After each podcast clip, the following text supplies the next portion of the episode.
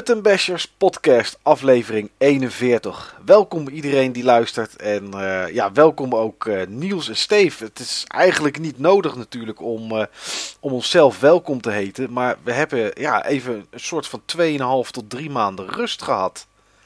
En dat, ja, we gaan gewoon de schuld afschuiven op Niels, want Niels moest zo nodig naar, naar Japanland en ja dat heb even, wat, even, heeft even wat tijd gekost, Niels. Ja, ja, het spijt me ook.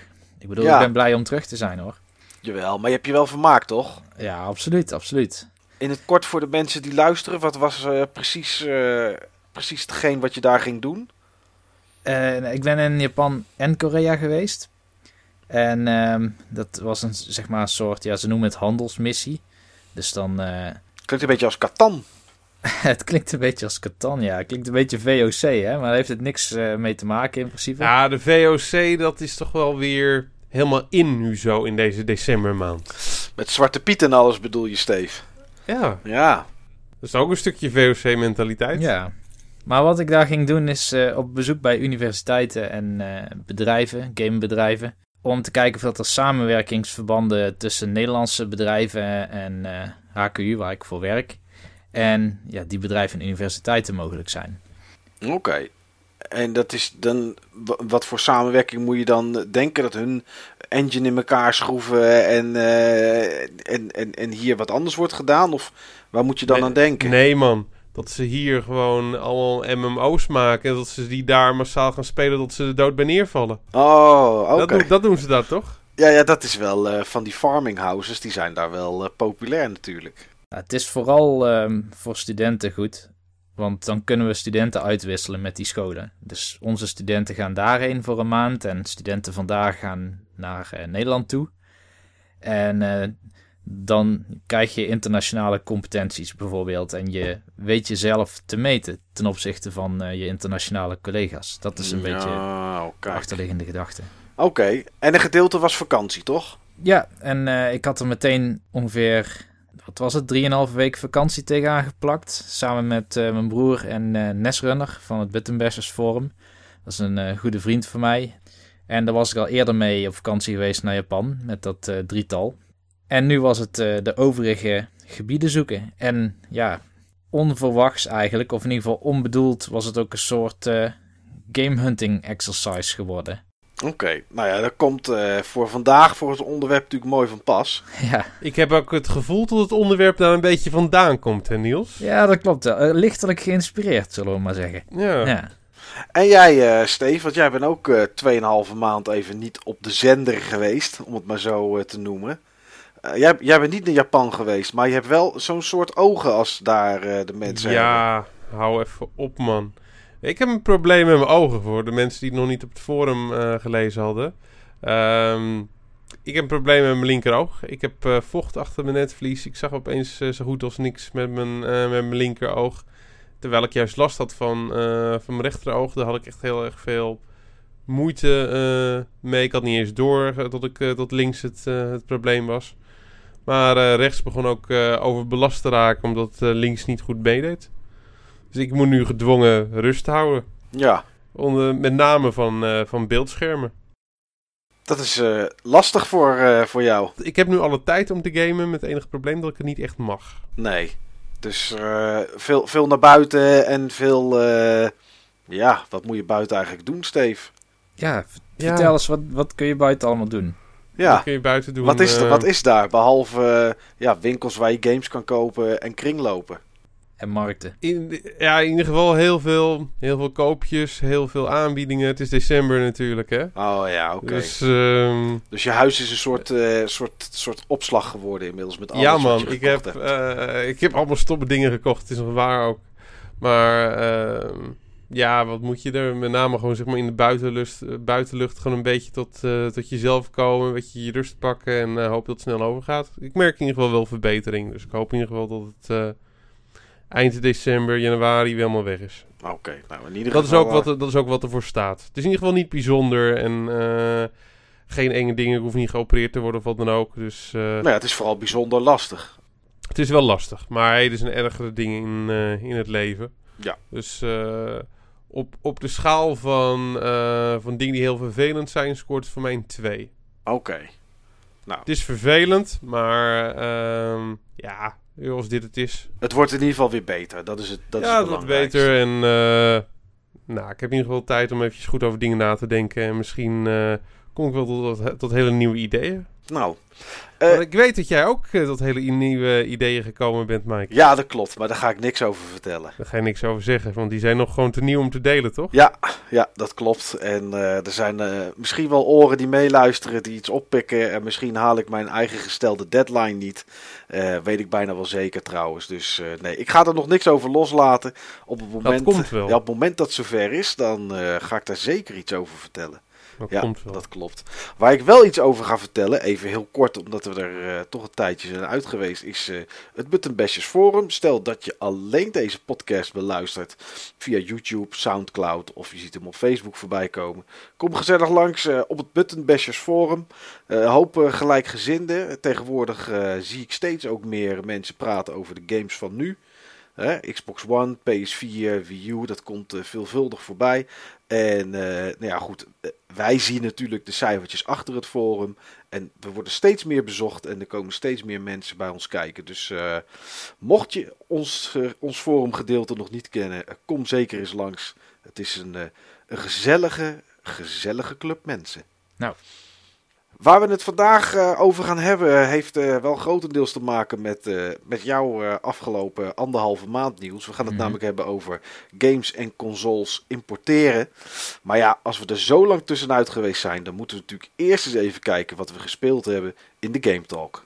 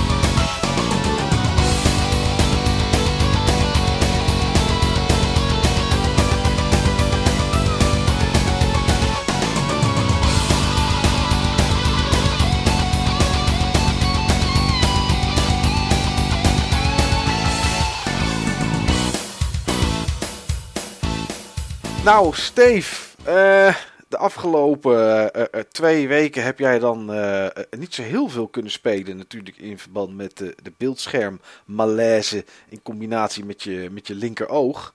Maar vast heb je daarvoor wel iets moois gespeeld waar je het misschien wel over wil hebben. Ja, ja, ja. Ik heb daarvoor nog wel een aantal dingen gespeeld die ik in ieder geval eventjes met, met jullie wou delen. Ehm, ja, in ieder geval twee dingen die allebei beginnen met een D. Die ik, eh, die ik dit jaar eh, absoluut nog niet vaak eh, gespeeld had. Hmm, Diablo en Destiny. Ja, ja, dat is helemaal goed. En het zijn in ieder geval dingen waarbij ik allebei mijn mening toch wel heb moeten bijstellen. Oké. Ehm, de een wat meer dan de ander. Ehm, om, laat ik maar beginnen met, met Destiny. Ehm, Destiny was ik niet heel erg onder de indruk van. Ik vond het wel leuk, maar ik was niet heel erg onder de indruk eh, van. Ik ben dat eigenlijk nog steeds niet, maar wel op zo'n manier dat ik er toch wel echt eh, tientallen en waarschijnlijk meer dan 100 uur in heb zitten. Dus dan vind je het toch wel heel erg leuk, is mijn conclusie. Een soort guilty pleasure of zo. Een soort van guilty pleasure. Ik denk dat dat eigenlijk de oorzaak ook is van mijn oogrot. Heet dat zo? Nee, nee, nee, dus ik, ik, Nee, nee, ik, heb, ik heb, nee joh, ik heb gewoon vocht achter mijn eh linker netvlies. Het heet geen oogrot. Ik weet zeker, Niels, dat hij heeft nu zoveel tijd om na te denken dat hij nog meer van dit soort grappen heeft het komende, komende Ja. uur, Ja, anderhalf waarschijnlijk. uur. Waarschijnlijk. Maar wat in ieder geval wel echt heel erg gaaf is in, eh, in Destiny, dat is de raid. Die had ik nog niet gespeeld eh, op het moment dat ik met jullie het laatste over Destiny had. Maar inmiddels heb ik toch wel de nodige ja, raids die zijn afgerond achter mijn naam staan. En dat is wel heel erg gaaf. Zeker met een goede, relaxte groep. Oké, vind je het niet irritant dat het elke keer hetzelfde is wat je in die raid speelt? Want er is er natuurlijk op dit moment nog maar één. Het wachten is op de Dark Below DLC, waar ook weer een, eh, een raid in zit. Ja, tweede raid, Ja. 9 december. Ja, tegen de tijd dat de podcast uit is, dan, eh, dan is die er inmiddels al. Maar die, die raid is natuurlijk elke keer hetzelfde. Dus Ja, tegenstanders spannen elke loot, keer. De loot die je vindt is toch elke keer weer, eh, weer anders. ja, Eh, plus de groep waarmee je het speelt geeft ook weer een ander soort dynamiek. En dat maakt echt heel veel uit. Eh, dat speel je ook met een groep van zes man in plaats van een groep van drie man waar je het merendeel van het spel mee speelt. Wat ook leuk is, is dat een, een trophy is. Dat is direct ook de moeilijkste trophy van het spel. Om de raid uit te spelen zonder dat er iemand in het team doodgaat. En dat is ook eh, ja, iets wat, wat iedereen in Destiny probeert eh, te halen. En ik ken een aantal mensen die het eh, hebben gehaald. Onder andere onze eigen Noob Lowstar van het, van het Button Forum. ja. Die, die heeft hem. En die heeft er ook wel heel hard voor gewerkt. En ehm, ja, dat is een soort met van achievement waar de hele Disney com- community op jaagt. En ik probeer die nu af en toe ook te halen met met een stel Duitsers. Oké, ja, die zijn eh, behoorlijk, eh, behoorlijk goed aan het spelen, als ik op het forum, of niet de Duitsers? Ja, ze, ja het cultuurverschil ehm, tussen de Nederlandse gasten waarmee ik gespeeld heb en die Duitsers, dat is toch wel echt eh, enorm stereotype vestigend. Oké. Het is, het is gewoon, ik voel me nu een beetje onderdeel van die manschaft. Hmm. Het is gewoon echt precies zoals ze voetbal spelen, enorm gedisciplineerd. Iedereen houdt zich aan, aan zijn rol. Eh, totaal geen, eh, geen, geen gezeik, totaal geen, eh, geen schelden of, of agressie. Wat nog wel eens gebeurt op het moment dat zeg maar, iemand zijn, zijn taken verkloot. Maar nee, echt enorme discipline en enorme gemoedelijkheid. Maar ik kijk in ieder geval uit naar, naar die tweede raid. En wat ook echt, echt cool is, is het PvP-gedeelte.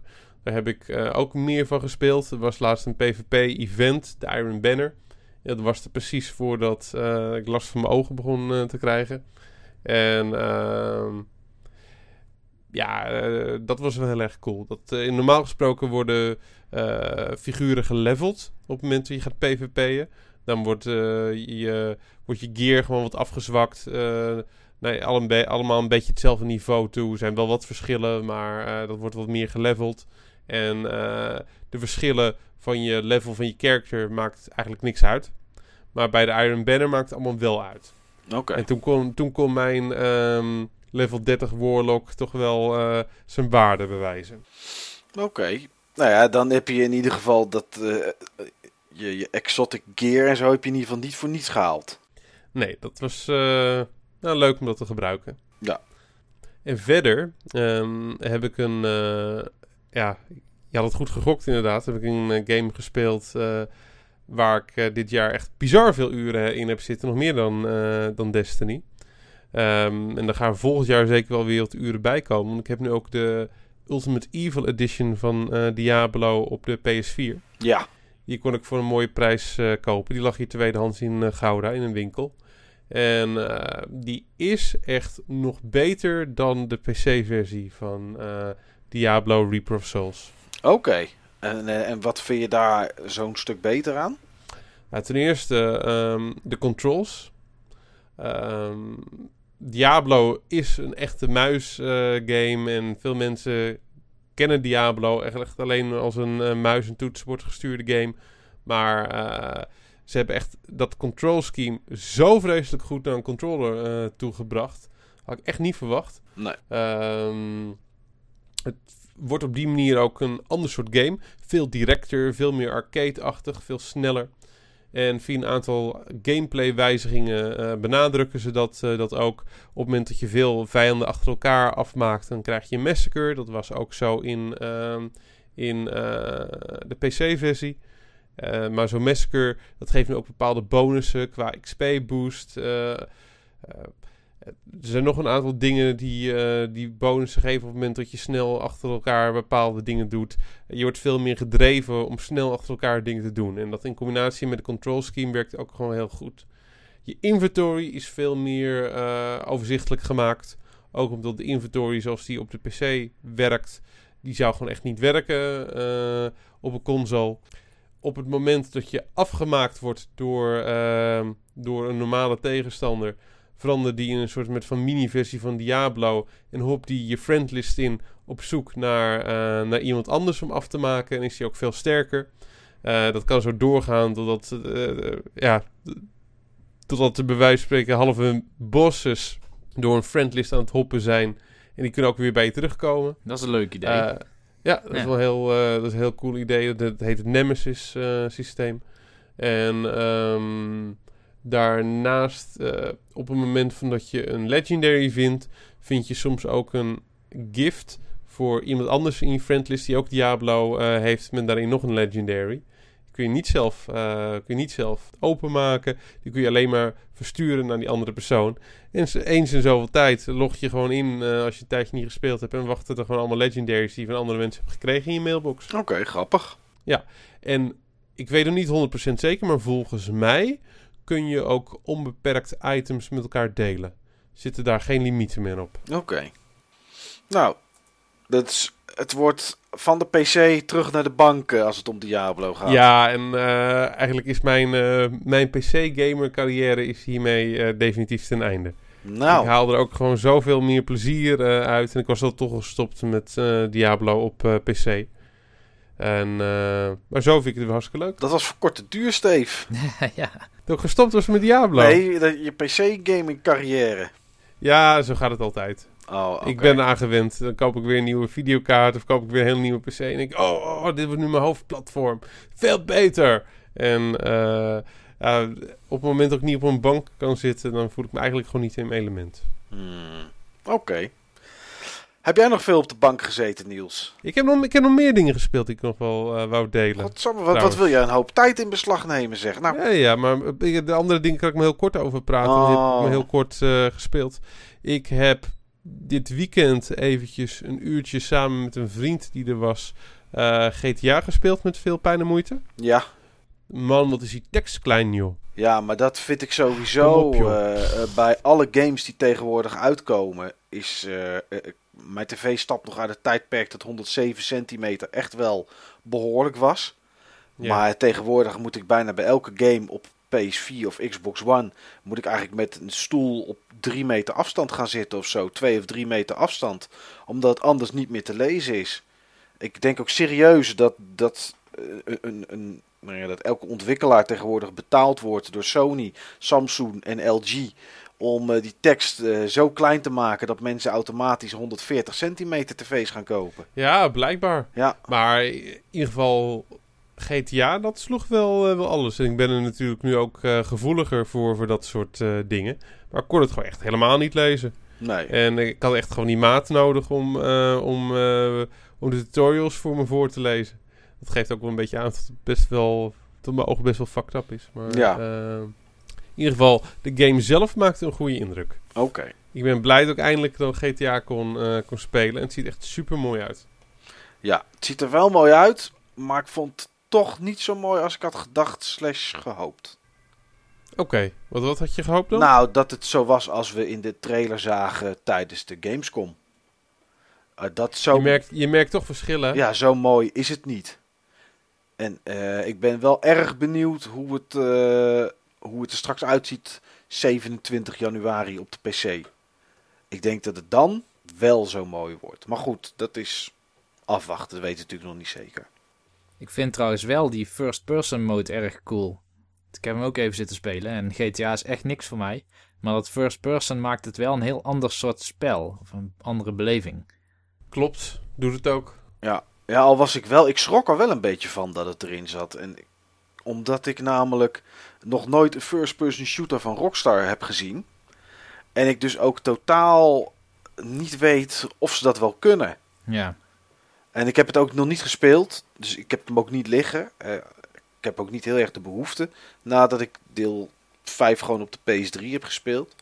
Maar ik vraag me af of dat een beetje lekker werkt. Maar ja, goed. Wat je moet het ook niet zien als een shooter. Nee, maar... Net zoals dat je Metroid Prime niet moet zien als een shooter. Nee, oké, maar er zit wel, als je de, zeker als je de multiplayer gaat spelen, al die deathmatches en dat soort dingen, zit er wel een hoop schieten in en, en rijden in. En alles wat... Oh, dat, is, eh, dat zou je ook natuurlijk gewoon first person moeten kunnen spelen. Ja, dat kan ook. En eh, degene die de game host, die kan je zelfs verplichten om, eh, om het in first person te doen. Zodat iedereen het in first person speelt. Maar eh, ja, ik weet niet. Ik, ik, ik heb het toch liever denk ik in third person. Maar goed, ik heb het nog niet gespeeld. Dus het is een gevoel. Nou, het maakt in ieder geval die, eh, die achtervolgingen super intens in first person. Ja, dat kan ik me wel voorstellen inderdaad, ja. ja. En voor de rest nog, Steven, dat was een uurtje. Nee, dat was het wel. Ik wou het gewoon nog even over GTA hebben. Oh ja, oké. Nou, dat is altijd goed. Ben je natuurlijk, dat is eigenlijk het belangrijkste. Je gaat natuurlijk nee zeggen, maar niemand die je gelooft. Ben je in first person ook de stripclub in geweest en heb je daar een lapdance gehad? Het antwoord is nee. Ik geloof er meer dan niks dat- van. Ik heb de tijd nog niet gehad, man. Ik, eh, wat dacht je van die, free tutorials en zeg maar puur gewoon die, eh, die proloog, die heist eh, waar het spel mee begint. Ja, ja, maar Ben je al een uur mee verder, hoor. het eerste wat ik deed toen ik ook maar iets kon in de open wereld was naar de stripclub rijden. Ik heb hem nog niet gevonden. Ja, ja, ja. Ik hoor aan die, aan, die, aan die smalende lach van je hoor ik dat het niet waar is. Maar goed, dat horen we dan nog wel een andere keer. Ik, stuur je de screenshots wel, de selfies die ik heb genomen in de, in, eh, de stripclub. Oké, dat is goed. Dus ik, zie, ze- ik zie ze graag tegemoet. Wel naar mijn tweede telefoon in verband met... wel eh, naar je tweede in telefoon, verband inderdaad. Met, met vriendin. En jij Niels, heb jij eh, überhaupt iets gezien met eh, Engelse game teksten? Of is het alleen maar eh, Koreaans, Japans en dat soort talen geweest wat je gezien hebt? Oh, op, eh, op reis. Ja, dan zou je toch ook wel iets gegamed hebben, denk ik. Ja, ja, zeker. Eh, er zijn natuurlijk veel arcades. En daar heb ik dan ook redelijk wat eh, tijd in gespendeerd.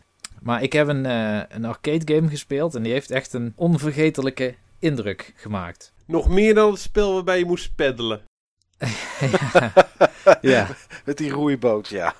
Maar dat verhaal heeft weer een onvergetelijke indruk op mij gemaakt. Nou ja, ja, nog meer inderdaad. Nee, ik dacht dat arcades, dat je niet echt veel nieuwe kasten nog had. Dat alles toch wel verschoven was naar eh, de nieuwste Tekken. En eh, je hebt heel veel van die eh, horse racing betting games. Waar gewoon twaalf man in een luie stoel liggen te kijken hoe een eh, paard automatisch rent. Maar er waren twee nieuwe systemen. Eentje was, eh, misschien ken je het wel, AKB48. Dat is zo'n zo'n meiden, zo'n muziekgroep. Daar is een zombie game Maar van. wel zo'n zo'n J-pop eh, bandje dan, hè? Juist, zo'n J-pop bandje. Ja, de naam ken ik wel. En daar is zo'n eh, zo'n zombie game van. Dus dan zijn ze allemaal zombies en dan kun je erop schieten. Oké. En ehm, je zit dan in zo'n kast en daar zitten heel veel van die schrik-effecten in. Omdat er bijvoorbeeld een zombie recht voor je springt. Maar dan gaat die kast dus ook als een malle trillen. Dus dan, eh, daar verschiet je redelijk van. Oké. Maar dat was nog lang niet zo cool als een of andere piratengame. En het is dat ik gewoon niet kan herinneren hoe die game heet. Het was sowieso een Japanse titel. Maar eh, je zit dan in een soort piratenbootje. En er zit een stuurwiel in het midden tussen de twee spelers. Want je kan het met z'n tweeën spelen. En ehm, dat leek wel zo'n virtual reality machine, zeg maar, die je vroeger had om films in te kijken. Die dan helemaal meebewegen met de actie. En deze die gaat dus ook, je, je hing aan een soort monorail en die, dan buigt heel die kast voorover. Met van die pneumatische armen. En die maakt dus ook echt die bewegingen die je in dat spel zou maken. Oh joh. En dat is echt heel gaaf. En dan zitten er nog eh, van die minigames tussen dat je op een piratenboot zit. En dan moet je dus ook zelf sturen. Dus het is dan wel echt free roaming in zo'n arcade game in plaats van dat het puur on rails is. En dat doe je dan met dat steering wheel. Dat klinkt een beetje als een kast waar we hier vroeger 5 gulden voor moesten betalen om te spelen. Ja, Oftewel eh, behoorlijk uitgebreid, heftig en, eh, en, en, en een redelijke ervaring, denk ik. Heb je hier ook filmpjes van gevonden? Ik, ik ga het opzoeken. Als ik het kan vinden, plaats ik ze op het forum. Maar ja, ik, ik kan de kast zo herkennen, maar ik heb eh, zelf niet gefilmd. Oké, het ene, e- e- enige kast die ik een beetje ken waar, waar je moet schieten, maar dit was niet, totaal niet free roam, was eh eh, Deadstorm Pirates, maar die is al wat ouder van Nemco. Ook zo'n kast met zo'n wiel in het midden, met zo'n met zo'n stuur, maar dat zal hem ongetwijfeld niet zijn. Ja, het was een deel 2. Oké, Ja, Deadstorm Pirates 2. Dat is hem. oké, ik zie hier ook Deadstorm, Deadstorm Pirates 3D. Deze was niet 3D, maar ja, weet wel niet- 3D graphics natuurlijk. Maar Ja, geen, ik weet eh, ook niet of de 3D in dit geval staat voor de bril Ik zie hem zelfs hier in 4D. Deadstorm, Deadstorm Pirates 4D Plus. Het lijkt wel een theater waar je naar binnen gaat, jongen. Niet normaal zeg. Het is sowieso een imposante kast om te zien. Nou, dit is meer een gebouw dan een kast wat ik hier zie. Maar goed, Deadstorm Pirates dus. Die Ja. was het. Behoorlijk leuk, behoorlijk leuk. Oké. Nou, je hebt me in ieder geval heel benieuwd gemaakt. Ja, ik, ben, ik vraag me af of dat hij ooit naar het westen... Ja, hier slaat arcade gewoon niet meer aan, hè? Nee, ik, eh Deadstorm Pirates, de eerste staat toevallig. Daarom, eh, daarom kwam ik op dat je het had over piraten en, eh, en een stuur in het midden. Staat, het eerste deel staat bij mij in Enschede in de bioscoop bij Wolf Sinestar. Daar heb ik het ook wel, eens, ook wel eens gespeeld. Dus ja, jij had het over piraten. Dus ik denk, nou, Ja. gooi dat erin. Maar blijkbaar is het dus een versie, welke het dan ook is. Of het 2 is, 3D of 4D+. Plus. Iets, iets was het in ieder geval. Maar voor de rest, nee, ja, je ziet het hier niet zoveel meer natuurlijk. Alleen een Hall of Game eh, is volgens mij nog eh, de enige plek waar meer dan drie kasten bij elkaar staan. Ja. Buiten dat, eh, Niels, nog andere dingen gespeeld? Je zei net al op je hotelkamer, maar daar komen we zo meteen wel op. Maar zijn er nog andere dingen die je gespeeld hebt? Ehm, nou, als ik onderweg was, en ik was heel veel onderweg... Ja. Ik denk eh, bijna de helft van de tijd dat ik in het land was, was ik onderweg. Dan speelde ik een spelletje op de mobiele telefoon. Dat heet Star Realms. Star Realms is eigenlijk een, een poort, zeg maar, van een kaartspelletje. Een bestaand kaartspel. Ja. Dat heb ik ook. En dat, eh, het is een zogenaamde deck pooling game. Eh, andere deck pooling games die misschien bekend klinken zijn eh, Dominion, Ascension, eh, Legendary. Waar, waar het op, in het kort op neerkomt is, je hebt een aantal kaarten en die hebben resources. Je hebt elke beurt vijf kaarten bijvoorbeeld. En met die resources kun je nieuwe kaarten kopen die jou weer betere resources geven. Oké. En elke keer als je iets koopt, leg je het meteen af en je pakt vijf nieuwe kaarten.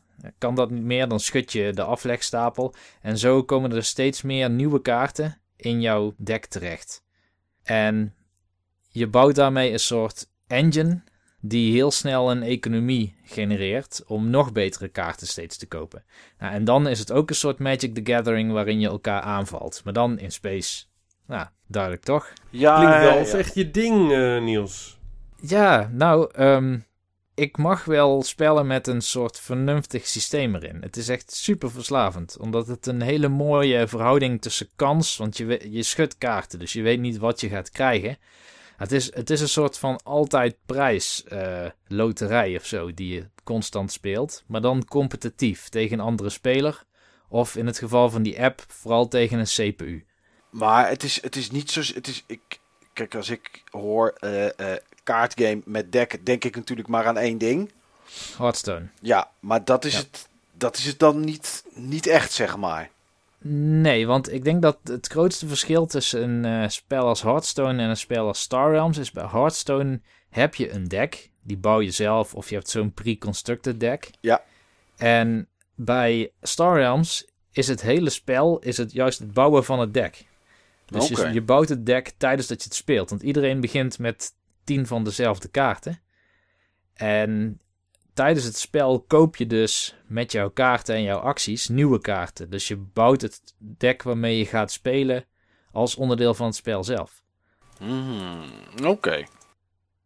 Hartstikke leuk in ieder geval. Ik denk dat ik er 50 uur in heb zitten en eh Netrunner eh, absoluut eh, nog veel meer dan dat. Nou, dus voor een mobiele game is dat behoorlijk. 50 uur. Zeker, zeker. Ik, ik steek dat soort tijden nooit in mobiele games, eerlijk gezegd. En ik speel hem nu nog steeds trouwens, in de trein. Ehm, ja, er is nog één game waar ik het even over wil hebben. En Die heb ik eigenlijk eerder bij thuiskomst gespeeld. Oké. Als je het niet erg vindt dat ik eh, die tijdsprong al maak. Nee, tuurlijk. Als jij het over Bayonetta wil hebben, dan mag dat. Juist, jij snapt hem. Bayonetta 2 wil ik het eigenlijk over hebben. Maar ik heb eerst deel 1 helemaal uitgespeeld.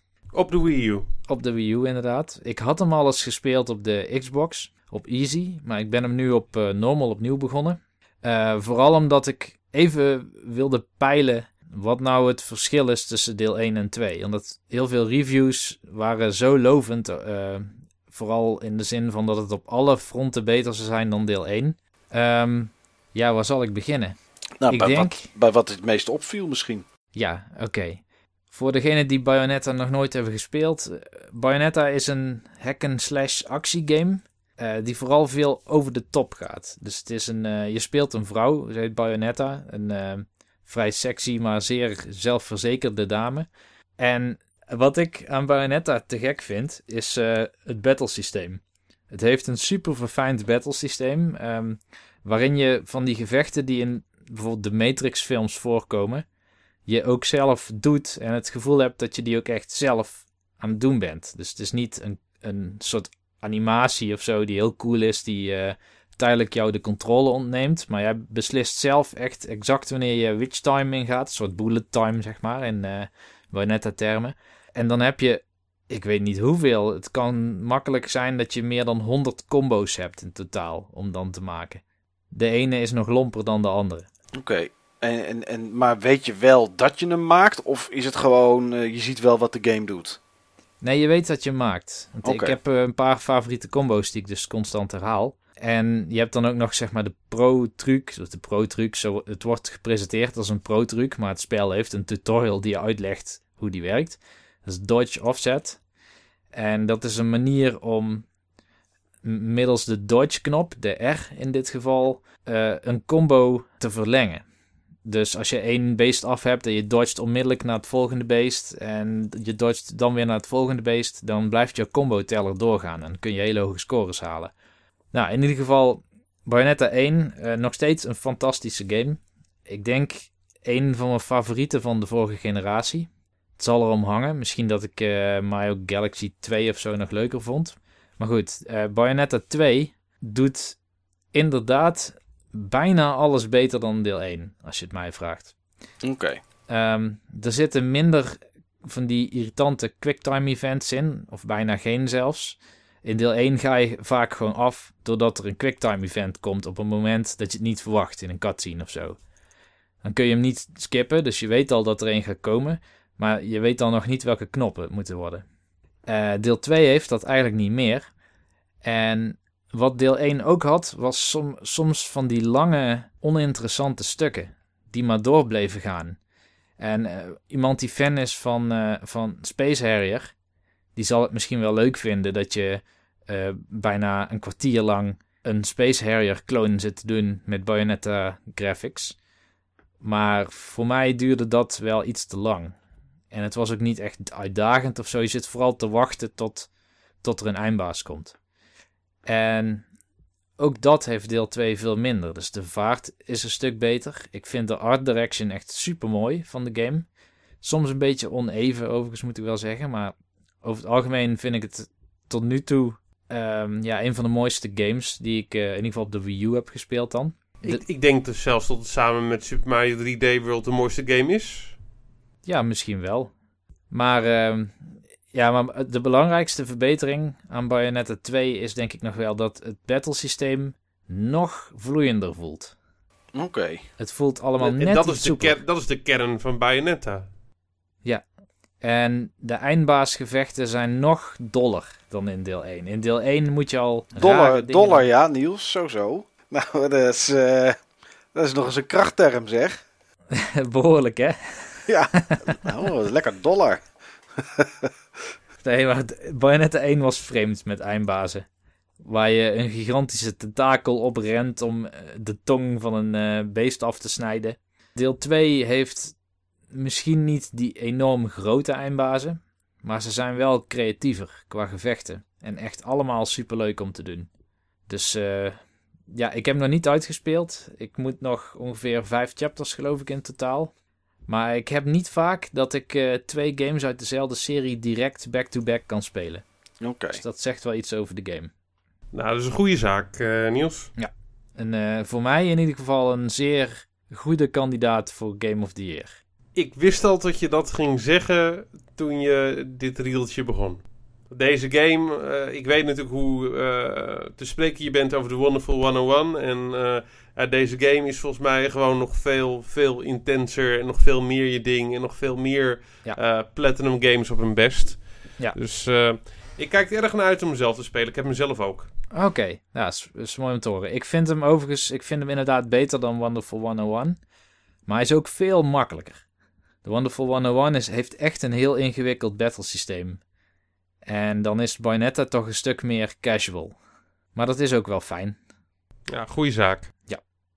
Maar eh, Michael, Ja, jij hebt ook niet stilgezeten de afgelopen tijd. ik heb het eh, heel druk gehad met games. Eh, de maand oktober was echt een gekke huis. Ja, Eh, november ook grotendeels.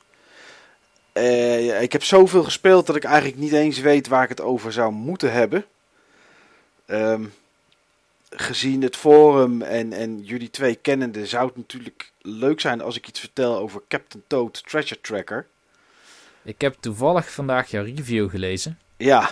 Ja. En, ehm, maar ik ga dat niet doen, want ik ben Nintendo eigenlijk een beetje zat. Oké.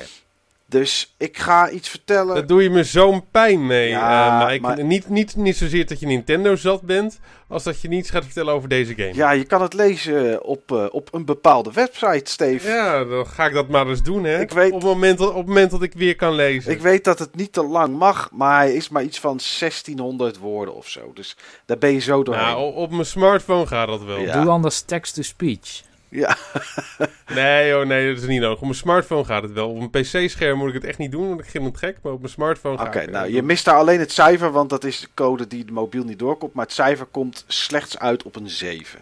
Oké. En eh, dat, zegt eigenlijk al, eh, dat zegt eigenlijk al genoeg. Ja, waar zal ik het over? Ik ga gewoon een paar dingetjes even kort aanstippen. Ik denk dat dat, eh, dat, Ja, dat, dat, best is. Niels had het net over zijn Game of the Year. Mis- mogelijke potentiële Game of the Year.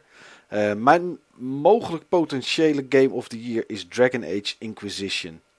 En ehm, ja, dat is gewoon briljant. Ik, eh, ik kan me niet voorstellen, eh, no offense Niels, Mhm. dat je een game als Bayonetta als Game of the Year zou kunnen neerzetten als er zoiets is als Dragon Age Inquisition. Natuurlijk moet het wel je ding zijn. Hè? Dat is natuurlijk RPG met verhaal en, en, en dat soort dingen. En dat is bij een eh, Bayonetta natuurlijk niet. Hij moet voor mij wel heel erg anders zijn dan deel 1 en 2. Anders dan deel 2 is die gelukkig wel. Want dat was echt een verschrikkelijke, verschrikkelijke rot game. Maar eh, ja, anders dan deel 1. Ja, heel erg anders misschien niet. Maar eh, weet je, het verhaal is gewoon geweldig. De hele wereld die ze op hebben gebouwd is geweldig. Grafisch ziet het er enorm goed uit en er zit zoveel in. Ik, eh, ik ben bij dit soort games nooit van een multiplayer, want dat hoeft voor mij niet. Breng mij een goede singleplayer en klaar. Maar afgelopen weekend heb ik toch nou, een paar uur de multiplayer zitten spelen. En die is ook geweldig. Gewoon met vier mensen eh, een gebied betreden en daar opdrachten doen. Elkaar helpen en supporten om, om de gevechten klaar te spelen. Ja, dat is... Wat een heerlijke game is dat. Ik, eh, Ja, dat verbaast me niet, eh Mike. Want de multiplayer van Mass Effect 3, eigenlijk BioWare's eh, eerste experiment met multiplayer, die was ook echt fantastisch. Ja, ja, ik heb er veel over, uiteraard niet gespeeld, maar veel over gehoord. Inderdaad, mensen vonden dat ook heel goed. En ik wist niet wat ik moest verwachten ehm, bij, bij deze multiplayer, totdat ik het ging spelen. En ja, als je met drie of vier mensen bent, en je neemt allemaal een klas. En ehm, je hebt tot nu toe maar drie gebieden waar je, waar je in kan spelen. Die bestaan dan uit vijf stages. Eh, die zijn allemaal, allemaal ongeveer hetzelfde. De eerste is het gewoon verslaan van tegenstanders. Daarna is het het oppakken of het, het, eh, beveiligen van een item, zeg maar. Je moet een item moet je, moet je terug zien te halen. Daarna heb je weer de tegenstanders die verslagen moeten worden. En eh, verder dan wave 3, zeg maar, ben ik nog niet gekomen. Het is geen waves, want je loopt zelf door, door een plek heen, maar om het maar zo te noemen. Het is echt wel moeilijk ook. En je moet op elkaar ingespeeld zijn, je moet strategieën afspreken. Eh, en dat is echt heel gaaf. Dus dat, is, eh, dat maakt de game eigenlijk nog meer waardevol om te kopen. En als je nog niet de eerste twee delen hebt gespeeld, dan kan je online in de Dragon Age Keep. Kan je door het eerste en tweede game zeg maar heen spelen door het verhaal. Dan krijg je het verhaal uitgelegd. Kan je keuzes maken. En die keuzes hebben gewoon invloed. Sterker nog, ook als je het, eh, ook als je het wel hebt gespeeld, eh, moet je dat eigenlijk doen. Want op die manier maak je de keuzes die je gemaakt hebt nog een keer en houdt het spel daar rekening mee. Klopt, maar als je het op de PC speelt, wat een echte gamer natuurlijk doet, en je hebt je, Oh ja, je, hebt je, natuurlijk. je hebt je save games daar nog staan, dan kan je ze gewoon importeren. En er zitten echt gewoon een hoop leuke dingen in. Want een kameraad van mij had zijn save game nog van deel 1 en deel 2. En terwijl die Dragon Age Inquisition aan het spelen was, kwam die ergens in een paleis kwam die een schilderij tegen van zijn main character uit het eerste deel wat daar hing. Ja, dat zijn kleine dingetjes, maar dan heb je gewoon echt een dikke pluim verdiend. Dan denk je gewoon over iets na. Ja, dat is heel erg gaaf. Ja. Heel erg gaaf. Ja, dat is echt heel leuk. Ik kijk er eh, met veel plezier naar uit om te spelen, net zoals Bayonetta. Maar ik wil hem ook wel spelen hoor, eh, Michael. Ja, Het is niet zo dat ik deze totaal negeer, want dat is zeker niet het geval. Maar het is een BioWare game, dus komt hij volgend jaar nog een keer uit met alle DLC op Klopt. een CD in een Almost Game of the Year edition. Ja, ja. En dan koop ik hem wel. ja, dat gaat op zeker gebeuren. Daar had ik eigenlijk op willen wachten. Maar jouw lovende woorden, eh, Mike, waren genoeg om over de streep eh, te trekken. Ja, het is echt geweldig. Samen met een actie van Weekamp, waardoor die ook niet zo duur was. Oké, nou dat is dan nog eens, eh, dat is dan nog eens mooi. Ja. Ja. iets anders wat ik gespeeld heb, waar ik ook erg lovend over was, was Sunset Overdrive op de Xbox One. Een eh, game van eh, Insomniac, die we eigenlijk vooral kennen van het PlayStation platform. Met de games als Ratchet Clank en Resistance de laatste, laatste jaren. En ik moet heel eerlijk zeggen dat het een game was die me een beetje tegenstond. En dat kwam vooral door de trailers die ik gezien had. De chaos die, eh, eh, die wel iets te chaos was in mijn, eh, in mijn, in mijn beleving. De neonlichten en de zeer puberale humor. Nou, dat laatste, dat zit er inderdaad in. Ehm, ik hou er niet zo van als een game tijdens het spelen je vertelt dat je een game zit te spelen. Dat is iets, dat is iets wat... Hou ik ook niet van. Nee, dat is iets wat mij tegenstaat. Ik wil namelijk in een wereld iets spelen. En dan moet me niet verteld worden van ja, maar dat maakt niet uit, want dit is toch maar een game of dat soort dingen. Dat staat mij, eh, dat staat mij tegen. Ehm, iets te puberale humor kwam bijvoorbeeld tot uiting bij een soort announcement system, zeg maar. Een soort computer die, eh, die de bewaking had over een, eh, over een watersysteem. En die, eh, ja, die in een soort overload modus ging, omdat, het, omdat die oververhit raakte. Nou ja, dat moest je oplossen. En aan het einde zei dat, zei dat systeem dan van I'm out of here, bitches. En dan denk ik, ja, dat, dat, hoe ver we in de toekomst ook zitten, er is nooit een geautomatiseerd systeem dat ons als, als bewoners van de stad bitches gaat noemen. Ik denk niet dat het straks eh, over 30 jaar voorkomt dat je uit de trein stapt en dat de NS zegt: Dit is, dit is Amsterdam, sletjes. Ik denk niet dat dat gaat gebeuren. Maar goed, dat waren de twee grotere minpunten. Maar het liet wel voor mij in ieder geval heel sterk zien dat als je een game exclusief maakt voor de Xbox One, dat die er gewoon extreem goed uit kan zien. Want ik was echt verbaasd over hoe de game eruit zag. En nou is dat niet het meest belangrijke. Maar in een wereld die. nee, het is meer een stad dan een wereld. Maar in een stad die zo vol is. Die zo gedetailleerd is. Waar zoveel te vinden is. En je overal op kan springen. Aan kan slingeren. Kan eh, ja, een soort van grinden over de rails. Een soort van er overheen glijden. En over stroomkabels. Ontploffingen. eh, bizarre monsters. En dat dan wel met schieten en chaos. En ja, dat was echt heel gaaf om te spelen. Ik verbaasde me er echt over hoe, eh, hoe tof ik die game vond. Eh, ik had hem wat later dan, dan de meeste recensenten op deze aardbol. Dus ik had al de cijfers gezien dat het echt heel goed was. Alsnog was ik wat sceptisch. Maar als je een Xbox One hebt en je houdt een beetje ja, van games als... Het werd vergeleken met eh, Jet Set Radio of... ja, een beetje dat soort titels. Dan ga je hier echt een, een hele hoop plezier aan kunnen beleven. Het is een, eh, een kleurrijke, bizar, eh, bizarre game eigenlijk. Met eh, wel humor erin. Soms wat puberaal, maar erg leuk om te spelen. Het, eh, zeker iets wat je geprobeerd moet hebben. Ja, buiten dat heb ik nog Little Big Planet 3 gespeeld. Ik heb The Evil Within gespeeld. Ehm ik heb nog wat indie games gespeeld. Ja, er is, ik heb zoveel gespeeld de laatste tijd. Het is, eh, het is te bizar. Er was gewoon te veel. En te veel wat gespeeld moest worden. Ook nog wat Japanse titels. En eh, nou ja, goed. Daar ben ik nooit zo'n nooit zo'n hele grote fan van. Eh, veelal zijn het RPG's die, die heel veel tekst bevatten. En waar ik echt letterlijk twee keer bij in slaap ben gevallen. Bij twee verschillende games. Zat ik echt met de controller op de bank zat ik te slapen. Maar er zijn heel veel mensen die dat wel heel goed, eh, heel goed trekken. En er zijn ook mensen die daarvoor die games best willen importeren. Net zoals een eh, console die er eventueel bij past. En laat dat nou net het hoofdonderwerp zijn van vandaag.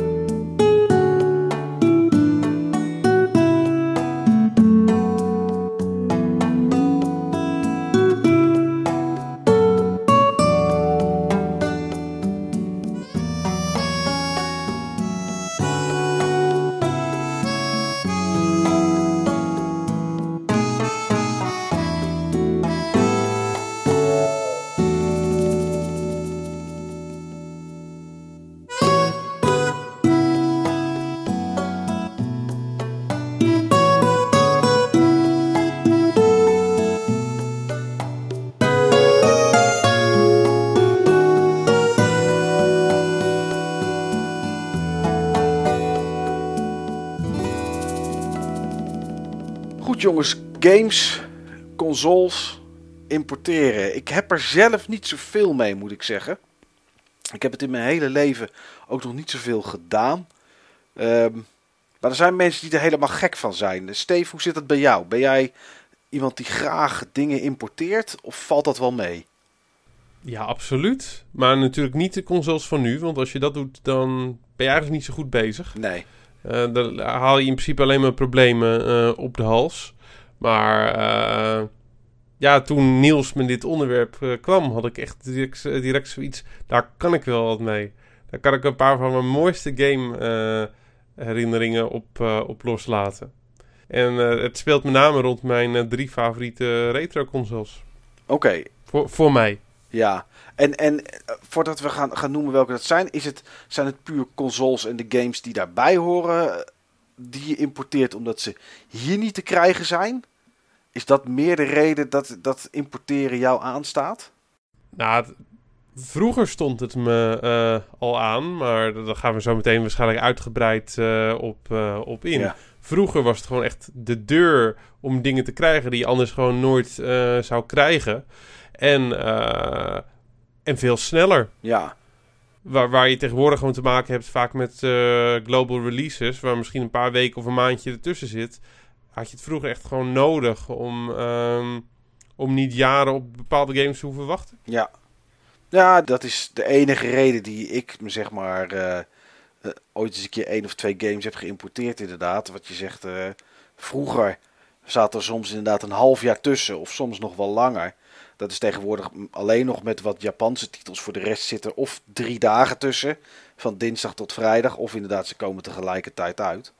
Maar dat is inderdaad wel, uh, denk ik, voor veel mensen een reden waarom ze ooit uh, games zijn gaan importeren. En jij, Niels, je komt natuurlijk net uh, terug uit Japan. Je hebt daar iets moois meegenomen.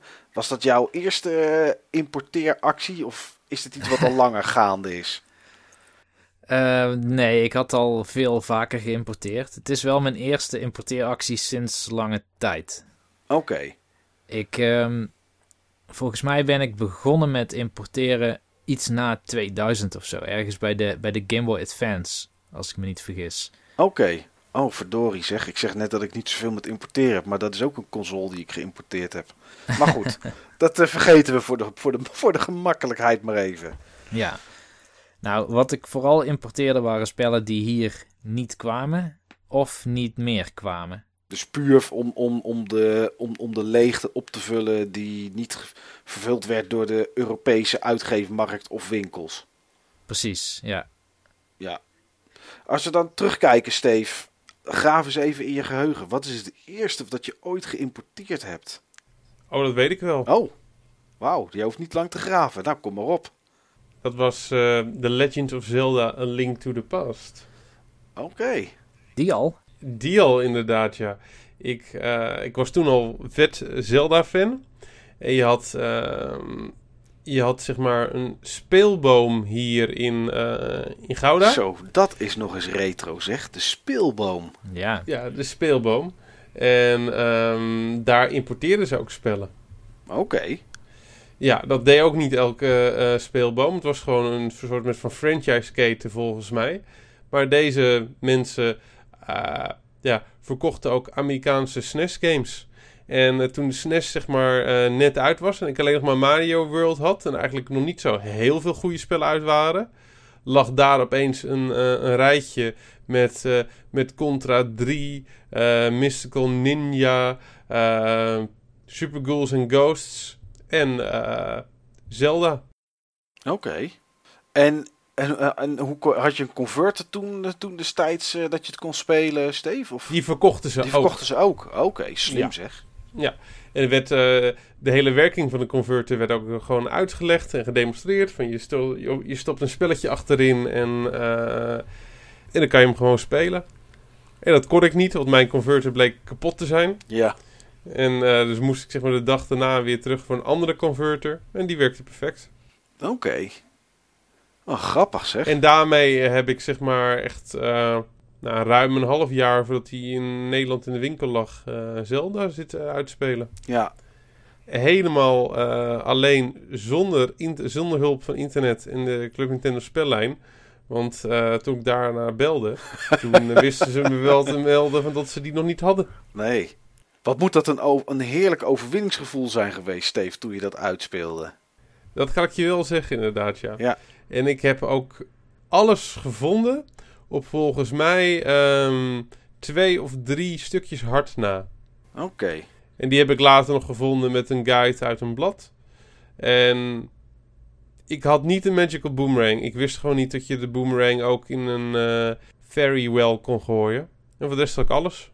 Oké, nou dat is dan behoorlijk knap inderdaad. tegenwoordig zijn het guides en, en YouTube-filmpjes. Maar ja, dat had je in die tijd inderdaad niet. En als... Ja, maar ik heb dat spel echt helemaal grijs gespeeld, joh. En uh, uh, hij was duur, hoor. Hij was, uh, hij was veel geld. Je moest ook zo'n converter ehm, kopen. Dus, Wat was je kwijt? Weet je dat nog? Ik denk dat het spel 200 gulden was. Of 190. Ja. En de converter was volgens mij ook iets van 70 of 80 gulden. Het was veel geld hoor. Ik heb echt lang voor moeten sparen. Ik had, uh, ik had ook geld gespaard voor spelletjes voor de Super Nintendo. Alleen, uh, ja, de spellen die ik wou hebben, die waren er allemaal nog niet. En opeens lagen ze er allemaal. Dus ik had zoiets van, nou, uh, ja, dan koop ik gewoon dat. Toen heb ik gewoon, zeg maar, met, in de decembermaand heb ik toen Zelda kunnen spelen. Oké, en heb je dat daarna doorgezet? Omdat je wist dat ze bij de speelboom die games hadden. Ben je daarna meer uh, import games gaan kopen? Of is het uh, Nee, want het was, was echt heel erg duur. En um, ja, veel van de spellen die, um, die daar lagen, die kwamen ook gewoon uh, steeds mondjesmaat ook hieruit. Maar af en toe heb ik nog steeds wel eens eentje gekocht op de SNES. Ik weet nog allemaal precies hoor. Um, op een gegeven moment heb ik Batman, de Batman uh, beat-em up game uh, gekocht van Konami. En uh, Secret of Mana. Oh, ja. Dat was een game die ik geïmporteerd heb. Die, die had ik ook volgens mij een jaar of anderhalf jaar voordat die in Nederland verschenen was. Ook echt zoveel mee gespeeld. En dat was balen, want die werkte niet met mijn converter. Toen had ik een andere converter nodig. Dus moest je nog weer extra guldens uit je portemonnee trekken. Ja, dat was wel een aderlating. Ja, en uh, ik heb ook nog Brawl Brothers toen uh, geïmporteerd. En uh, die heb ik eigenlijk ook nooit in de winkel zien liggen. Of misschien maar één keertje of zo. Die is ook echt vet zeldzaam in Europa. En ja, ik hield gewoon heel erg van beat'em-ups. En ik had al eens een keer een review gezien in een spellenblad. volgens mij gewoon Mean Machines of Official Nintendo Magazine. En ja, die moest ik gewoon hebben. En opeens lag er in een winkel in Den Haag een Amerikaanse. Dus die heb ik gewoon gekocht. Ja, Oké, nou dan was je er al vroeg bij, uh, Steve, met, uh, met, met importeren. Was dat, dat bij jou ook zo, Niels? Nee, bij mij was het echt, um, echt Game Boy Advance. Dat was echt het eerste. En het eerste wat ik toen importeerde was uh, Mega Man, Mega Man Zero 2. En wat was de reden van die importeeractie? Dat het lang duurde voordat hij hier kwam? Of? Nou, die game is wel uitgekomen hier, maar werd meteen extreem zeldzaam. En is nooit meer opnieuw geprint. Oké. Dus ik kon hem gewoon niet meer vinden.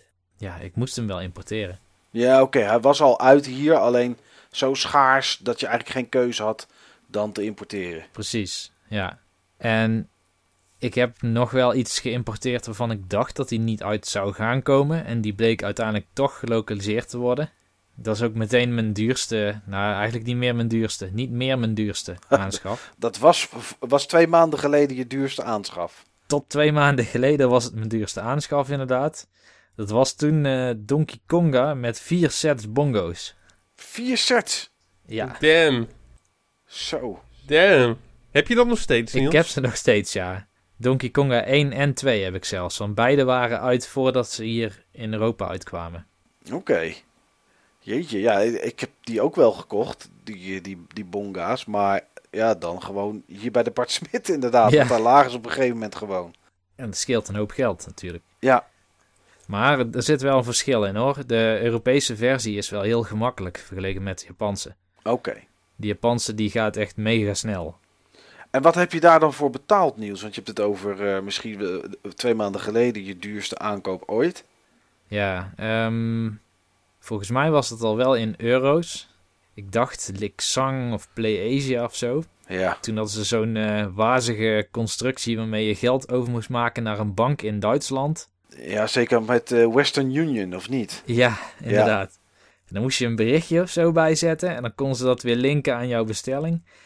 Um, ik denk dat mij dat toch wel zo'n 250 euro toen gekost heeft, ja. Oké.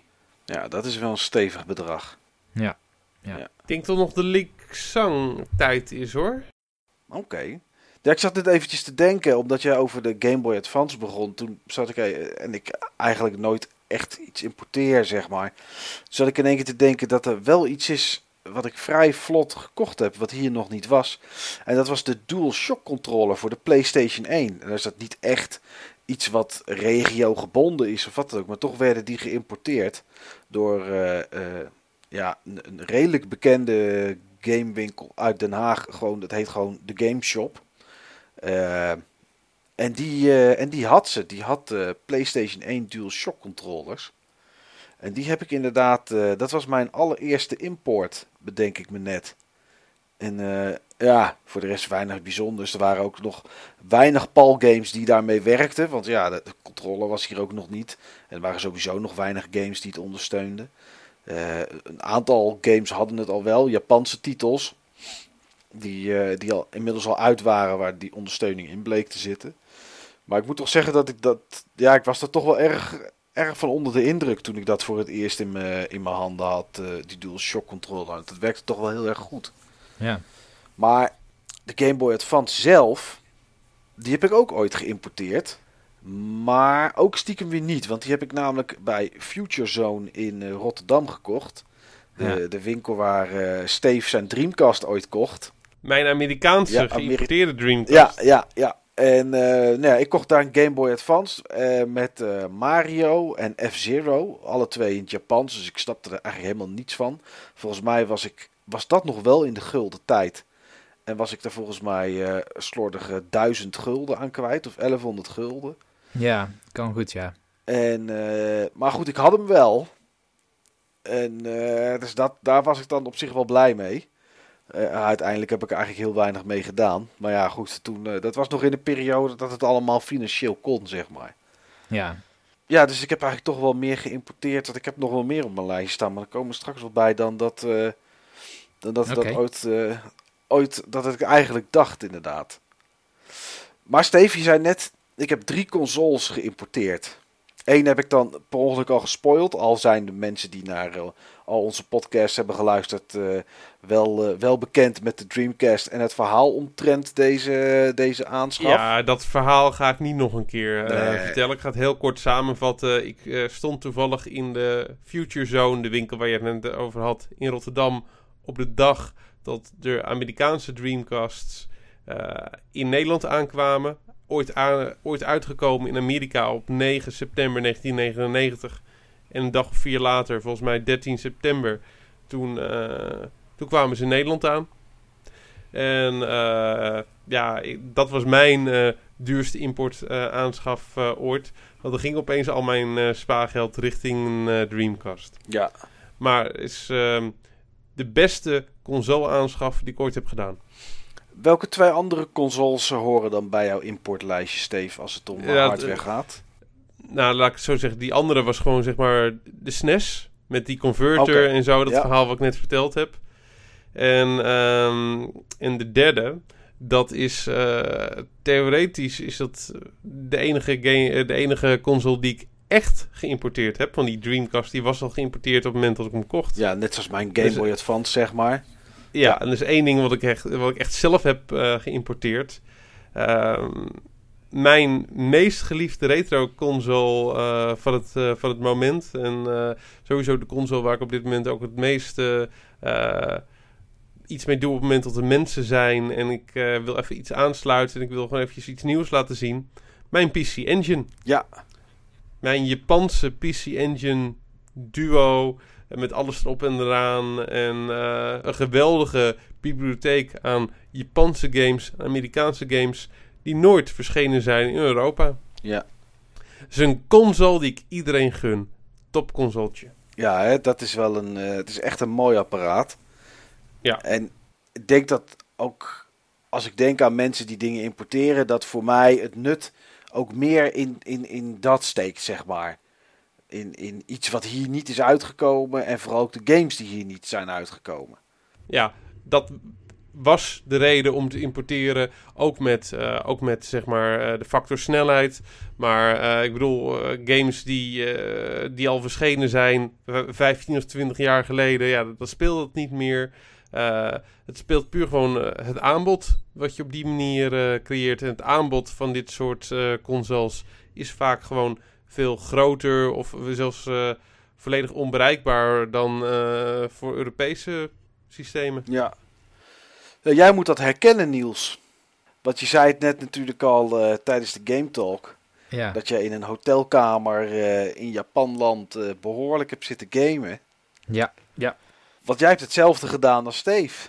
ja, ik ben behoorlijk beïnvloed. Want ik kende de PC Engine nog niet voordat ik Steve kende. Nee.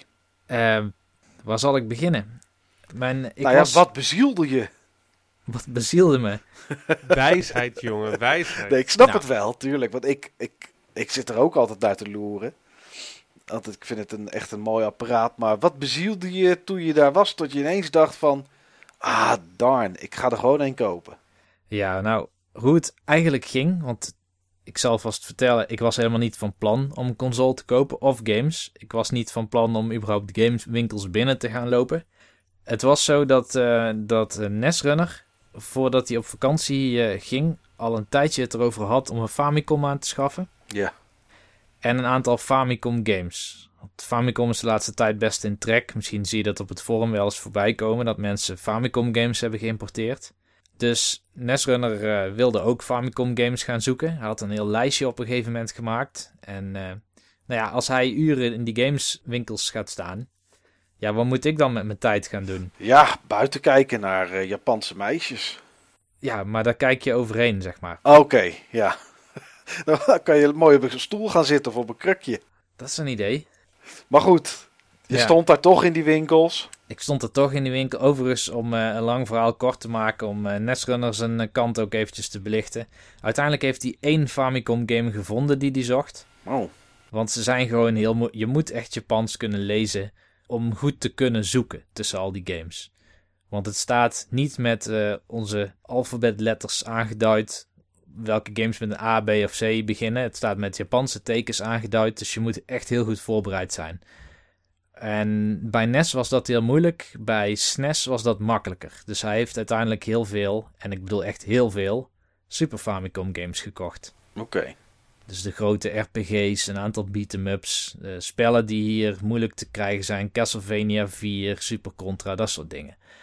Eh, maar ja, ik stond dus ook veel uren in die winkels. En ik dacht van ja, misschien moet ik in ieder geval iets gaan onderzoeken of kopen. En toen dacht ik aan die PC Engine. Ik dacht van ja, als ik iets koop, laat het dan een PC Engine zijn. Want dat is, dat is iets waar ik echt geen alternatief voor heb.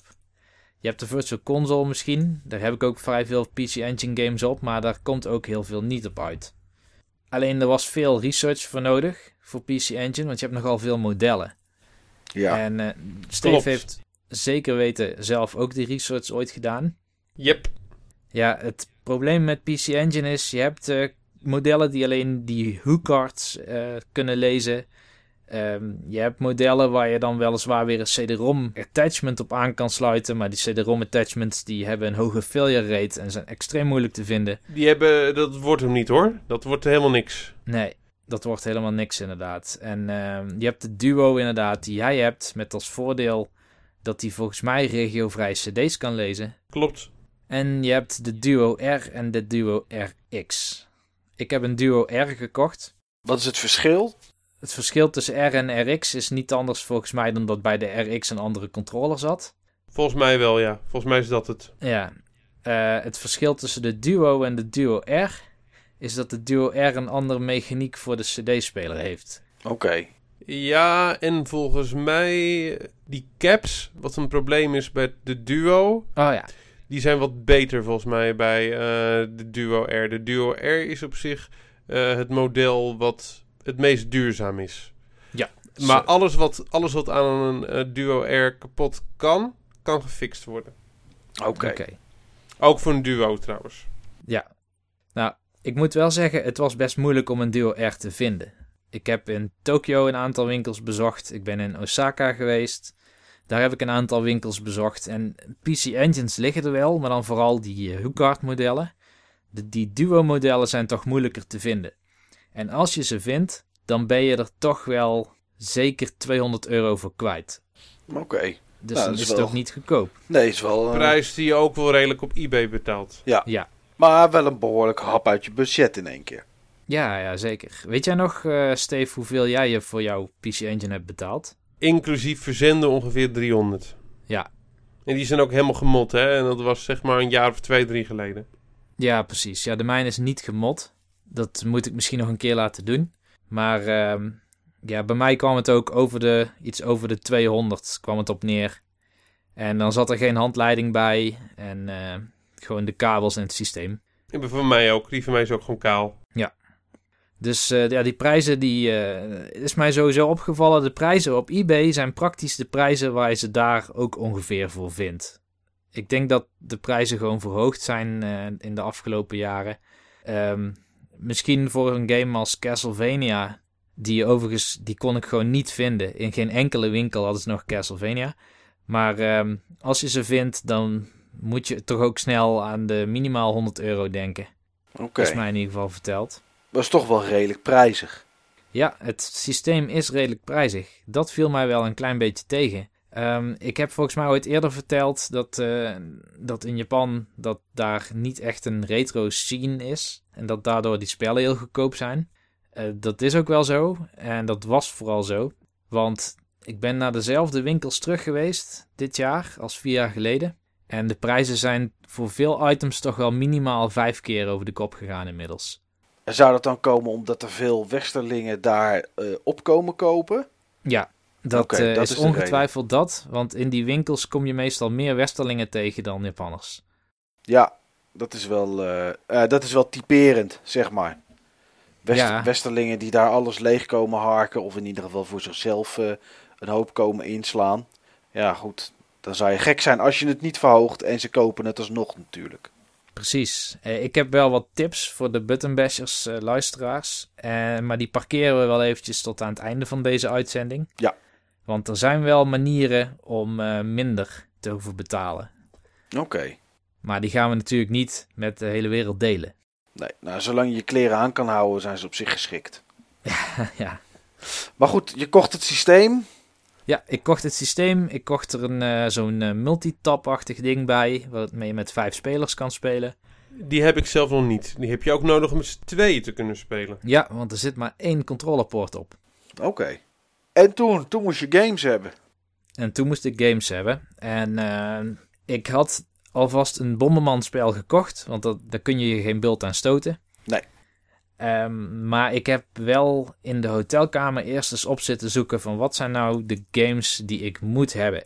Die, uh, die gewoon betaalbaar zijn. Liefst multiplayer.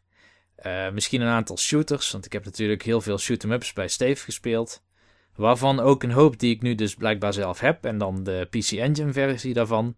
En ik heb overal screenshots van gemaakt, de plaatjes opgeslagen en ben gewoon in die winkel gaan kijken of dat ik die cd's kon vinden. Ja, gewoon, Dat eh, helpt hoor, dat helpt om plaatjes te hebben. gewoon van het Ja. hoesje, zeg maar. eh, Van het Cover, hoesje ja, inderdaad. ja.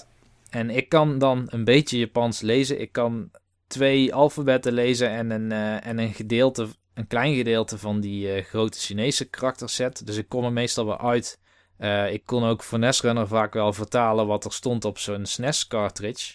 Het is vaak namelijk Amerikaanse taal in Japanse tekens. Dus als je die tekens kent of een app hebt, eh, dat zou je ook kunnen doen. Een app of een tabel eh, op je telefoon zetten waarmee je kan kijken wat een teken precies is. Dan kun je er wel uitkomen. Oké. Dus dan lees je wel iets als eh, een le- legend of zo. Ik noem maar wat. Ja, precies. En dan kan je een beetje, dan weet je een beetje welke titel, welke titel het is. Ja. Maar ja, ik moet wel zeggen, die prijzen van die spellen voor die PC Engine, die vielen me ook niet echt mee. Ik had een zijn duur budget. geworden. Ze zijn duur geworden. Ja, die zijn duur geworden. Ik, heb, ehm, ik had met mezelf als het ware afgesproken dat ik geen spellen zou kopen die meer dan 25 euro kosten. Ehm, Dan ben je erg beperkt met eh, de mooiere PC Engine games. dan ben je erg beperkt inderdaad. En je zit toch vaak tegen dat randje aan.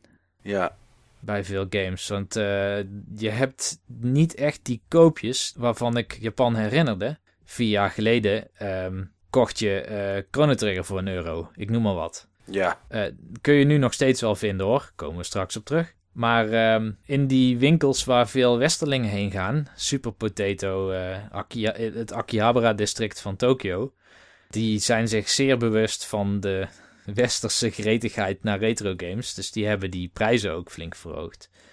Eh, voor PC Engine nog het meest lijkt het op. Die spellen kosten toch wel bijna allemaal minimaal een tientje. Of je moet echt een super obscuur eh, Japans visual novel spel willen. eh, zonder interactie. Ja. Dus één cutscene, zeg maar. Nou, dat is eh, niet aan mij besteed natuurlijk, dat snap je. Nee. Nee, en Dat is- zou, dat zou ultieme zelfkastijding voor jou zijn, eh, Niels. Inderdaad. Ja, da- daarbij is natuurlijk dat als je zulke soort games hebt, eh, inderdaad zo'n novel, zo'n novel game, ja, dat de meeste Westerlingen er toch niks van snappen. Nee, inderdaad. Ja, uiteindelijk ehm, heb ik een stuk of 25 spellen geloof ik gekocht voor het systeem. Best wel veel dus. Ja, Dat behoorlijk. is veel hoor, om mee te beginnen. Ja, ja, ja. Het was ook een heel probleem om allemaal in mijn koffer te krijgen.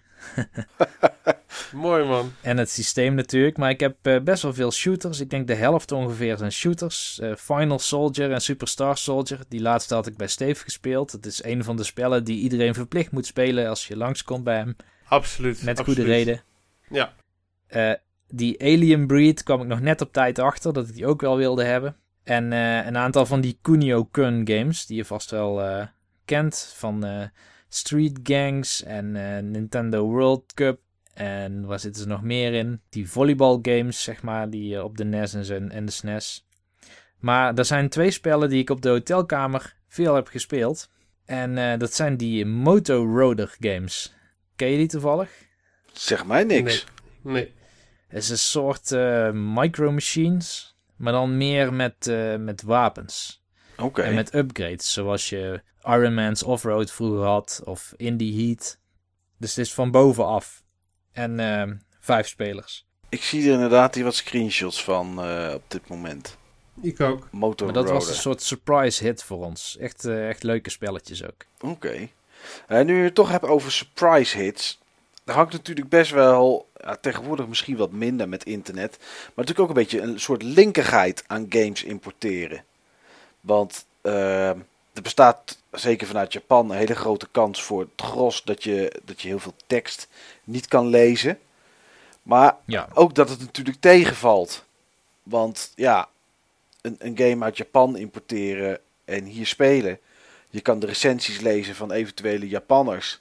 Maar vroeger had je dat sowieso al niet zoveel.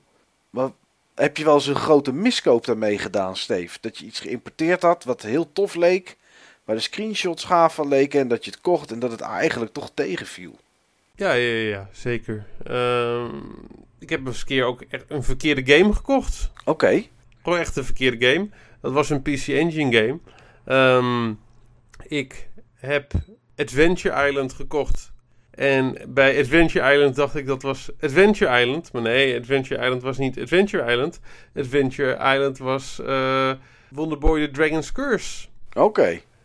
Echt een compleet andere game. Ja. En uh, de game die uh, Adventure Island zou moeten zijn, die heet New Adventure Island. Oh. En heeft ook een hele andere, heeft een hele andere voorkant. Ja.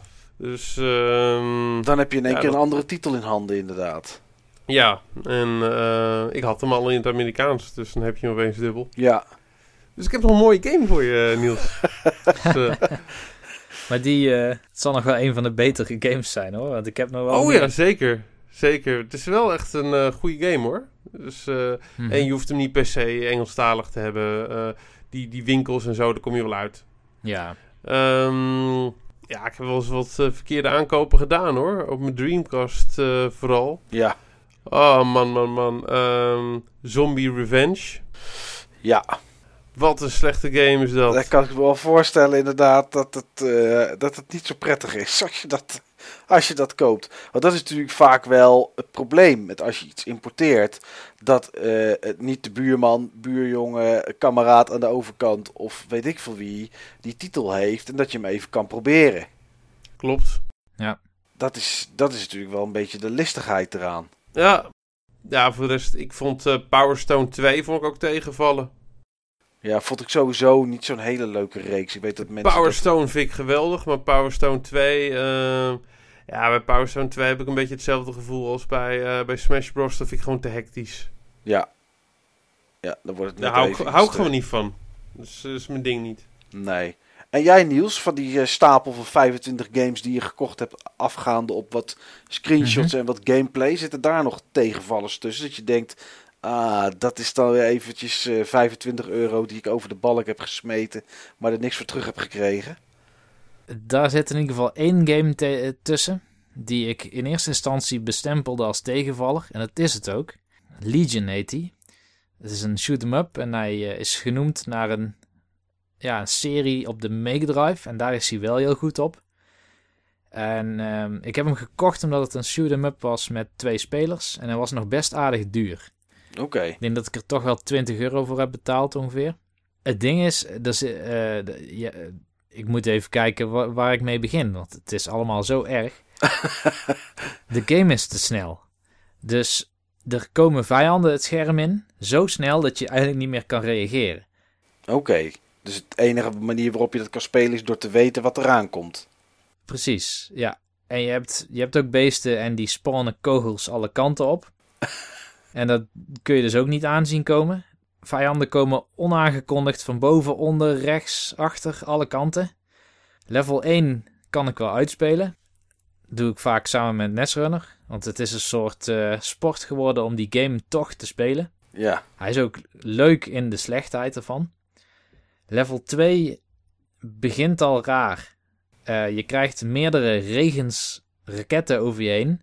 Waardoor je maar een klein plaatje van een paar vierkante centimeter op je televisie hebt om, eh, om jouw schip zeg maar in eh, veilig te houden. Dat klinkt wel als iets Japans inderdaad, ja. Ja, maar je, je, je ziet het niet aankomen. Het is gewoon, het ene moment vlieg je door de open space. Het volgende moment zit heel het scherm onder de raketten. Binnen een kwestie van een halve seconde of zo. En dan moet je maar precies naar het juiste punt verschoven zijn. En dan zit er nog een tergende voice-over overheen. En de muziek is maar drie noten. Ja, het is echt een verschrikkelijke shoot-em-up. Ik Klinkt, daarna... een, klinkt als een kwaliteitje hoor. Ja, het lijkt me wel zo'n game, zeg maar, die eh, Martijn, Mother Brain, die zou er wel zijn tanden in kunnen zetten. Die houdt sowieso al van die games waar ik echt absoluut geen geduld voor zou hebben. Ik kijk wel eens naar zijn streams. Hij speelde laatst zo'n, eh, wat is het, zo'n California Games rollerskating-achtige game. Maar dan, de hele game was dan dat. Oké. En dan ook met eh, sudden deaths en dat soort, Met zo'n soort zo. surfplank was dat, of niet? ja, Ja. Dat heb ik ook gezien, inderdaad, een stukje. verschrikkelijk. Ja. En er is, er is nog een game wel buiten dat om, die ik ook nog even wil noemen. Want dat is een van de games die ik had geïmporteerd, omdat die juist wel een positieve beurs had op internet. En dat is eh, Legend of Staffy 4 in mijn geval. Een Game Boy Advance game ook. Eh, Legend of Staffy is een franchise van Nintendo die daar in Japan al heel lang loopt en goede beoordelingen krijgt, maar nooit hierin is gebracht. Het zegt me ook helemaal niks. Je bent een zeester. Oké, En het is een soort platformer met puzzelelementen. ik zie het ja. Ik zie dat er wel een Nintendo DS-game hier naartoe is gekomen. Of misschien, alleen Oh. in, of misschien alleen in Amerika, dat zou kunnen. Het zou wel kunnen inderdaad dat ze toch wel een van die games hebben eh, gelocalized. Maar ik heb dan nog een van die eerdere delen. Ja, Ja, het was gewoon echt niks. Het is zo. Het, het is compleet simpel, maar de puzzels zijn onmogelijk omdat je de taal niet kan lezen. ja, Dus ja, dat is nou echt een miskoop inderdaad. ja. Games importeren voor jullie, is dat iets waar je tegenaan loopt of is het iets waar je je ogen voor open houdt, Steve? Is het iets dat je denkt van, hé, hey, ik kom een titel tegen, ik ga kijken of ik die kan importeren? Of hou je bijvoorbeeld voor de PC Engine regelmatig je ogen open wat er voorbij komt en besluit het dan te kopen als het interessant lijkt? Tegenwoordig doe ik het echt heel erg gericht. Oké, en dan heel erg gericht om je ogen open te houden of om te zoeken naar een bepaalde titel als je hoort dat die interessant is? Een aantal titels die ik echt bewust zoek. Ja, Je moet echt wel weten, met die PC Engine zeker moet je gewoon weten van wat, eh, wat goed is. ja, Ja, Ik kan gewoon veel informatie vinden. Maar eh, ja, meestal zit ik gewoon echt op eBay te kijken naar bepaalde titels. ja. En jij, eh, Niels, eh, nu heb je dit systeem staan. Ja. Ga, wordt, het nu een, eh, wordt het nu een sport om nog meer te importeren? er zijn nog wel een paar spellen die ik zou willen hebben. Die kreeg ik absoluut niet gevonden in die winkels. En sommige heb ik misschien ook nog niet ontdekt. Maar ik heb nu wel een redelijk complete collectie voor mijn gevoel hoor. Ik ga niet alle veilingen in de gaten houden. Of kijken of dat mensen PC Engine aanbieden. En daar dan de leuke titels uithalen. Ik moet echt geconfronteerd worden met een filmpje. Waardoor ik denk van dat is een leuk spel. Ja. En dan overweeg ik te importeren. Mag ik wat vragen, Niels? Ja? Heb je Devil's Crush eh, gekocht? Nee, Devil's Crush kon ik ook niet vinden. Oké. Heeft ook een iets andere naam volgens mij. In, volgens mij heet hij Devil's Crash Hmm. in, eh in Japans. Maar weet ik niet zeker. Ja, Devil Crash heet hij in Japan, klopt. Gate of Thunder?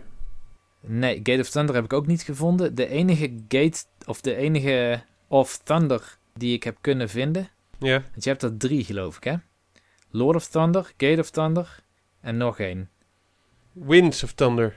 Ja, die Win- laatste heb Winds, ik of gezien. Thunder Winds of Thunder is Lord of, eh, Lord of Thunder. Je hebt er Oh, twee. is die dat? Ja. Oké, nou, die was 100 euro's. Dus ik dacht, laat maar zitten. Oh, dat is, eh, dan heb ik hem eh, laatst goed gekocht voor 40 euro. En dat is Ah. niet zo lang geleden. Dat is een week of twee geleden. Oké. Oké, dan heb je een mooie koop aan gedaan. Eh, 100 Steve. euro is echt te duur. Ik heb, eh, heb ik nog nooit voor, voor eh, weg zien gaan. En eh, ja, eh, de grootste must-have voor het platform is eh, Dracula X, Rondo of Blood. Ja, Maar die kon je daar helemaal niet vinden, zei je, Niels? Nee, helaas niet gevonden. En ik moet ook wel zeggen, als ik nu op eBay kijk, die prijzen liggen allemaal rond de 100 euro, dan moet ik me wel bedenken dat mijn Duo R op zich gewoon prima CDR's kan lezen. Is ja. ook zo. Is ook zo. Doen ze ook. Voor mij is dat het zeg maar niet waard. Ik bedoel, ik, ik steun ook geen ontwikkelaar meer of zo door hem origineel te kopen. Dus dan... Ah, hij is ook op de Virtual Console trouwens beschikbaar. Dus nee, die gaat mijn verzameling niet in. Nee. Ik had hem wel gekocht als ik hem in Japan was tegengekomen. Ook al was hij 100 euro meer, omdat ik gewoon nog heel veel yen over had. dus dan moet je toch iets doen. Ja, dan hoef je het niet meer terug te wisselen. Precies. Maar hij lag er niet, dus eh, het is er niet van gekomen. Als je aan importeren van games denkt, is dat iets wat, wat je alleen nog zou doen bij retro games, Niels? Of zou dat iets... Kijk, tegenwoordig is het natuurlijk niet zoveel meer. Daar hadden we het net al over. Hè? Games komen meestal op dinsdag uit in Amerika. En, eh, Ja. en drie dagen later komen ze in Europa uit. Maar heel af en toe wil het natuurlijk nog wel dat games alleen in Amerika of Japan uitkomen. eh, en, en niet hier. Is het iets wat je, dan, wat je nu nog zou doen voor zeg een PlayStation 3 of PlayStation 4, Xbox One? Ja, nee, absoluut. Oké. Het, eh, het ding is namelijk, je hebt een aantal spelseries. Vooral bijvoorbeeld spellen van Atlus. Die hebben geen officiële importeur in Europa. Dus wij zijn overgeleverd aan eh, publishers als Exceed. Ja. Die zin moeten hebben om die titel hier te brengen. En eh, ik hou heel veel van Atlas Games. De Shin Megami Tensei serie, de Persona serie, Etrian Odyssey. Daar zijn ook niet alle delen van in Europa uitgekomen. Dus die heb ik een aantal geïmporteerd. Wordt het niet tegenwoordig wat, wat meer? Eh, eh, voor, voor in de game waar ik zeg maar voor de mensen die het niet weten eh, hoofdredacteur van ben, hebben wij een, een, bevriende Belgische importeur zeg maar. En die stuurt van alles wat ze daar binnenkrijgen naar onze review-exemplaren door. Mhm. En nou, ik wist niet dat ze zoveel maakten in Japan. Maar ik krijg er echt wekelijks codes van binnen. En zitten, zijn er dan nog steeds games die hier niet uitkomen? Ja, nog heel veel. Oké. Vooral van die handheld games Ja. op eh, Vita. Ja. Maar ook, dat was ook op de PSP destijds. Daar komen zoveel games op, die ik overigens niet hoef te spelen allemaal hoor. Want de meeste zijn gewoon van die anime eh, fanservice games. Ja. Maar ehm, dat, als je daar van houdt, van dat soort spellen, dan zit je hier in het verkeerde werelddeel. Ja, dat zeker. Dat is zeker. Ja. En die kun je hier ook echt niet krijgen zonder import. Nee. Dus dat zijn dan dingen waar jij wel, waar jij wel je ogen voor open houdt. Om te kijken van, eh, nou, dit komt hier niet uit, maar ik wil het wel hebben, dus dan ga ik het alsnog importeren. Ja, ja. Wat is je meest nieuwste, nieuwste, dus slecht Nederlands, maar de meest nieuwste geïmporteerde game? Ehm, dat is... Ja, dat weet ik wel. Ehm, dat is Nino Kuni. Oké, en waarom heb je die geïmporteerd dan? Dat was toen omdat ehm, ik nog niet wist of dat ze in Europa ook van die special editions zouden hebben. Oké, Ik heb nu ook de DS-versie van dat spel. ja. Die kwam ik in Japan dus ook tegen. En daar zit ook een boek bij. Nino Kuni? Ja. Is daar een DS-versie? Oh ja, klopt ja. Klopt ja. Ja. Maar goed, het is wel een beetje zonde, eh, Niels, want we weten dat jij eigenlijk Nino Kuni niet zo tof vindt. Ja, dat is... eh, nou ja, je kan een keer pech hebben, toch? Oh ja, dus dit is ook dan ook zo'n importtitel die eigenlijk een beetje tegenviel. Voor mij viel die een beetje tegen, ja. Het, ik vind het geen slecht spel. Maar Nee. ehm, Maar je vindt het ook niet zo heel goed. nee, ik vond het Nee. niet zo heel goed, nee. Nee. Nog een eh, vrij moderne titel, die jij trouwens ook geïmporteerd hebt, Michael. Dan, dan ga ik die van mijn eh, notepadlijstje afhalen, want dat eh, zit vast iets met drie cijfertjes in. Ja, met drie negens. Ja, Ja, ja, nee, ja klopt. eh 999. Eh, ik weet nu al niet meer. Was het Nine Persons, Nine Doors, Nine Stories of zo? Waar stond het? Nine Hours, Nine oh ja, Persons, Nine Hours. Nine Doors. Oh ja, dat was het inderdaad. Ja, nee, dat is inderdaad een titel eh, van de, de, la- de latere generatie. Het was wel DS, maar ook prima op de 3DS te spelen. Want Ja. Die was al uit eh, op het moment dat ik hem inderdaad kocht. Maar die heb ik inderdaad ook geïmporteerd, omdat jij mij, mij aanraadde in het begintijd van deze podcast. En dat, ja, dat eh, zal aflevering 2 of zo geweest zijn, gok ik. ja, dat je erover begon. En toen heb ik hem eh, niet afgelopen jaar, maar het jaar daarvoor op vakantie meegenomen, inderdaad.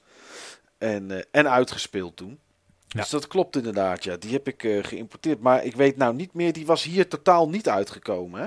Nee, klopt. Is maar wel niet in, wel in Engeland, of niet? Nee, volgens mij alleen in Amerika. Ah, Oké, en dan heb ik hem, ik heb hem bij een, bij een Engelsman dan gekocht, inderdaad. Eh, daar heb ik hem vandaan. Ja. Ja, je ziet ook dat eh, op, wat is het, amazon.co.uk, ja. daar staan ook vaak Amerikaanse spellen op. Dus er zitten veel importeurs die daar hun spellen op aanbieden. Ja, ja dat is inderdaad dat is een titel die ik inderdaad wel, eh, wel heb binnengehaald. eh, en- en aan de hand van jou inderdaad. En dat was een wat latere, latere titel die ik geïmporteerd heb. Ja. En jij, Steve, heb je het nog wel eens gedaan voor de PlayStation 3 bijvoorbeeld? Iets Ehm, importeren? Volgens mij heb ik mijn eh 3D.Game Heroes Amerikaans eh, gekocht. Van de PlayStation 3 was natuurlijk gewoon eh, regiovrij. Ja. En die is volgens mij pas later of zeer beperkt in Europa uitgekomen. Ik heb daar nu in ieder geval een versie met een Nederlands hoesje van. Oké, Die vond ik eens een keer voor een paar euro op een rommelmarkt. Ja, dat kan je maar licht meenemen. Eh, ik weet nog wel wat de laatste exclusieve game is die ik nieuw eh, geïmporteerd heb. Oké, Dat was een, eh, een game waar ik het ook eerder over gehad heb. Het was een game op de originele PSP. Dat was ook een game van level 5. Net zoals Nino Kuni. Dat was Jeanne d'Arc. Oh ja. Oh ja, inderdaad. Ja. Geweldige game. Ik wist niet dat hij van level 5 was trouwens. Level 5. Oké. Oh, dat is wel, uh, dat is wel grappig. Is nog steeds de titel dat als ik hem zie, dat ik hem een keer meeneem. Denk dat je daar ook moeite voor zal moeten doen, uh, Mike? Dat denk ik ook wel. Wordt een eBay-titeltje. Ja. Ja, ik zie hem hier staan. Je kan hem, je kan hem wel eens tegenkomen hoor, maar er zijn veel mensen die hem geïmporteerd hebben. En de PSP was natuurlijk regiovrij. Maar uh, nee, ik denk dat je echt zou moeten zoeken. Ja, nee, ik zie hem hier op eBay toevallig, uh, nu het erover hebben, staan voor 25 pond. En uh, ze hebben er nog vijf op voorraad in, uh, bij deze, deze shop in Engeland. Voor iedereen die dit hoort, echt een aanrader. Prachtige game. Ja, ik, ja, ik zat te denken wat mijn laatste geïmporteerd... Ja, dat was dan eigenlijk 999, omdat, omdat jij daarmee kwam toen, Niels. Maar ik heb de God of War Collection heb ik geïmporteerd voor de PS3. Dat, was, het waren die HD-remakes, zullen we maar zeggen... Of oh, ja, ja. HD op Smux is het eerder. Die, uh, die voor de PS3 uitkwamen. Omdat ja, er zat gewoon een, uh, een. Op een of andere rare manier zat daar een wachttijd tussen van een half jaar. Tussen de Amerikaanse versie en de, en de Europese. Geen idee waarom dat in die tijd was.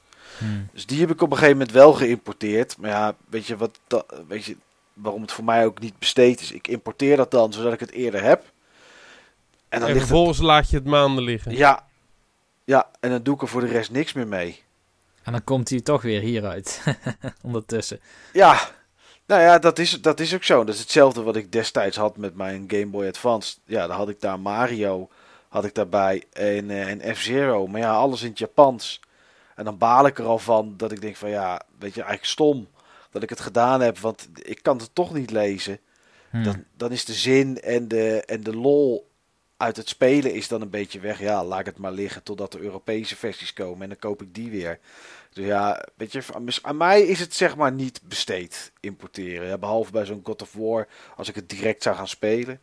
Mhm. maar, maar, ja, tegenwoordig ook met, met games digitaal kopen. Als je natuurlijk een PlayStation 4 of een Xbox One hebt, ja, je koopt het gewoon bij de PlayStation 3 ook al natuurlijk. Eventueel uit een Amerikaanse store of uit een Japanse store. En ja, dan ben je ook klaar natuurlijk. Ja. Dus ja, games importeren die nu nog uitkomen. Dat... Ik weet niet hoe lang dat nog interessant zal zitten er vaak ook uh, nadelen zelfs aan, uh, aan importeren. Uh, om een voorbeeld te geven, de 3DS is opeens regio, regio beperkt. Waar de Game Boys altijd regiovrij waren. Ja, dat klopt inderdaad. Ja.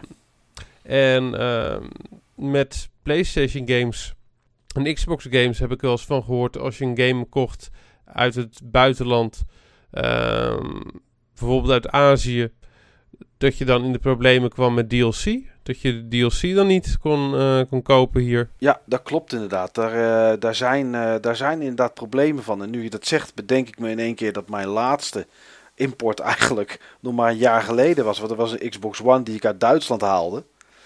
En, oh ja, dat was ook import inderdaad. Ja, dat was ook import, ja. Maar daar was de reden uh, dat heel veel mensen dat op dat moment niet aandurfden. Ook van uh, dat Microsoft zei: ja, er komt straks wel een update. Of als de, de Nederlandse uit is, dan, uh, dan was het op dat moment in het begin nog niet bekend of er een update zou komen. Zodat alle Xboxen ook gewoon op Nederlands gezet konden worden. En dan kon je dus niet de, de, de, zou je niet de store kunnen gebruiken van de, van de Nederlandse Xbox afdeling.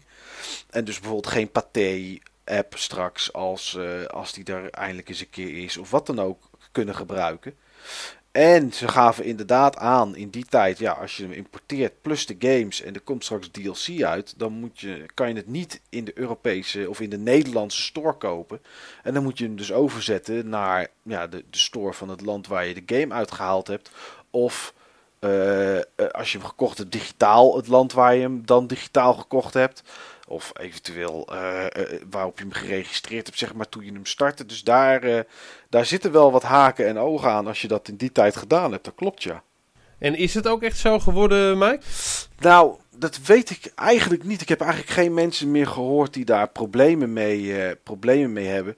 En de meeste mensen die hem geïmporteerd hebben, die kopen het meeste, en dat snap ik ook wel, kopen het meeste gewoon allemaal in de Amerikaanse store. Want je kan met PayPal kan je daar gewoon in betalen. Dus dat is eh, niet, geen gedoe met creditcards en dat soort zaken. Al hebben veel mensen die natuurlijk ook wel. Het is gewoon een stuk goedkoper. Uh, op dit moment is er, een, uh, is er de Black Friday sales zijn nog aan de gang. Nou, die hebben we hier op de Europese store niet. De Amerikaanse store wel. neem een game die ik zelf gekocht heb, Peggle 2. Natuurlijk een heel simpel spelletje, maar leuk om wel even leuk. tussen, ja, wel leuk om tussendoor ja. te doen. Is normaal 12 dollar. Daar was nu 75% volgens mij vanaf. Dus die kwam op 4,80 dollar uit. En als je die dan ook nog eens omrekent naar euro's, kom je op 3,85 euro uit. Ja, en dan is het natuurlijk, het is misschien niet echt importeren meer. Maar ja, je haalt het toch uit een ander land. Al is het dat via het, uh, dat is het nieuwe importeren. Ja, en dan, ja, weet je, alles, alles de, de prijzen zijn natuurlijk gewoon één op één. Als je Assassin's Creed Unity wil kopen of je wil... Uh, uh, pff, nou ja, noem het maar opkopen, dan is het in Amerika is die 60 dollar en hier is die 60 euro. Uh, die prijzen worden één op één omgezet. Ja, en dan, dan scheelt het gewoon soms een euro of 7, 8 om, om de game in Amerika te kopen. Dus ik denk ook de mensen die dat doen, dat die ook hun DLC daar vandaan halen. Ik heb nog nergens überhaupt gelezen dat mensen last hadden met het kopen van DLC voor, uh, voor, voor games. Maar ja, als ik ook nadenk bij de Xbox One welke games DLC hebben gehad die de laatste jaar zijn uitgekomen, denk ik aan een Rise.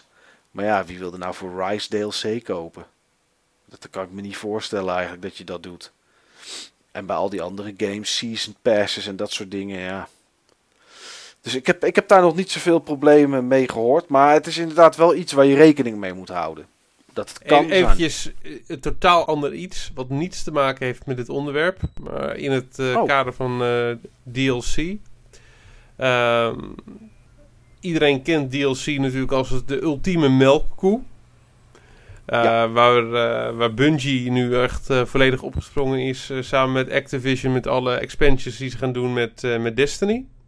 Maar hebben jullie ook het verhaal gehoord van de DLC van The Witcher, mannen? Ja, Uiteraard heb ik dat gehoord. 16 stuks DLC.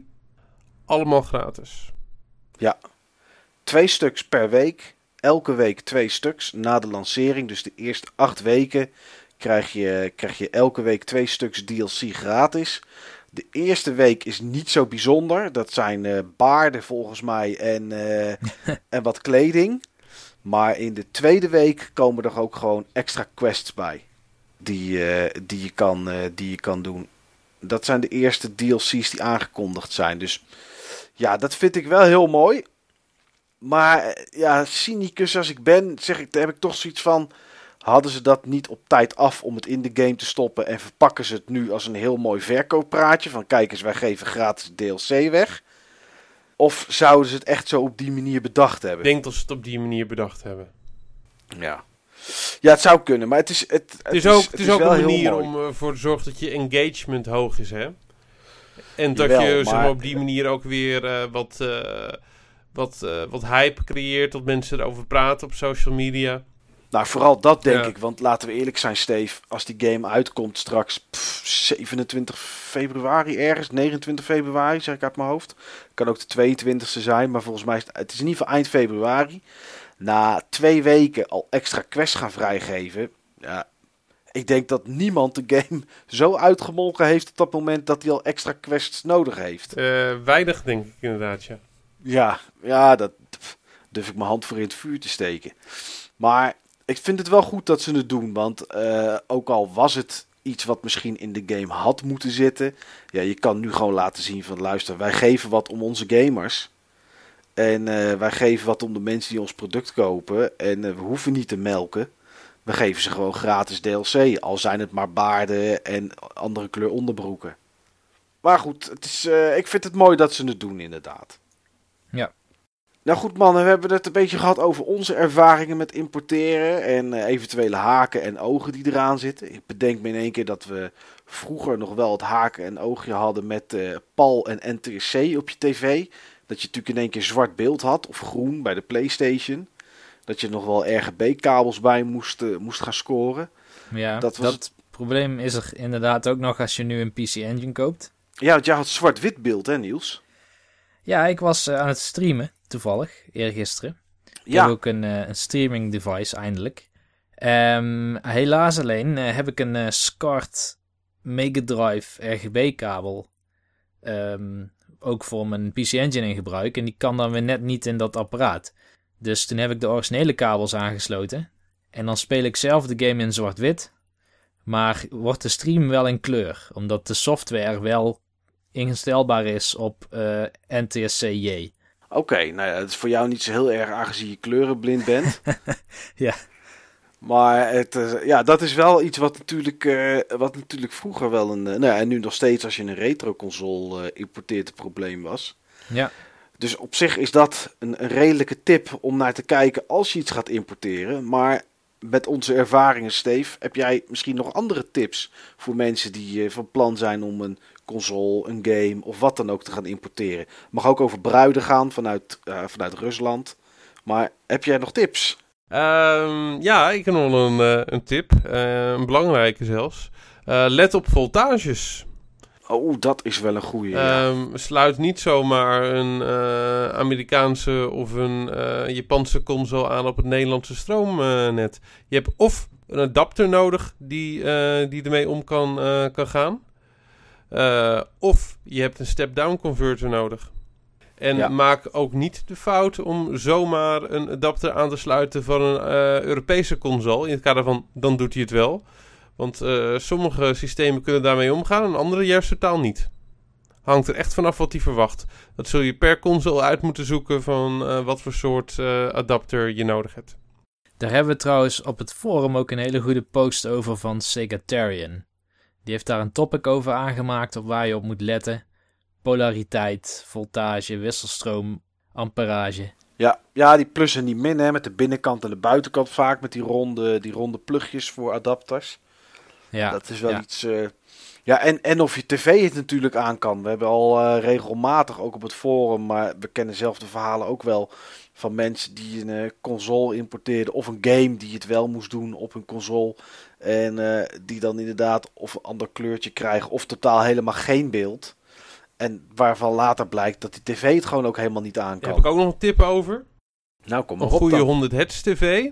En praat ik echt over een CRT-tv. Uh, uh, zeg maar een beeldbuis, een goede 100 hertz beeldbuis. Pakt in principe altijd NTSC. Zowel J als de Amerikaanse NTSC-standaard. Maar het is wel iets, als je iets gaat importeren, hou er even rekening mee. Want anders dan uh, kom je voor uh, ongemakkelijke verrassingen te staan.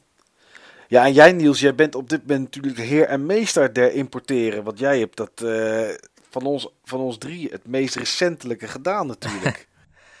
ja, ik denk dat op het forum waarschijnlijk nog wel mensen zitten die nog heerlijker en meesterlijker zijn. Ja. Maar um, er zijn wel wat tips inderdaad die ik wil geven voor mensen die uh, naar Japan gaan om daar te retro shoppen of als deel van hun vakantie te gaan retro shoppen.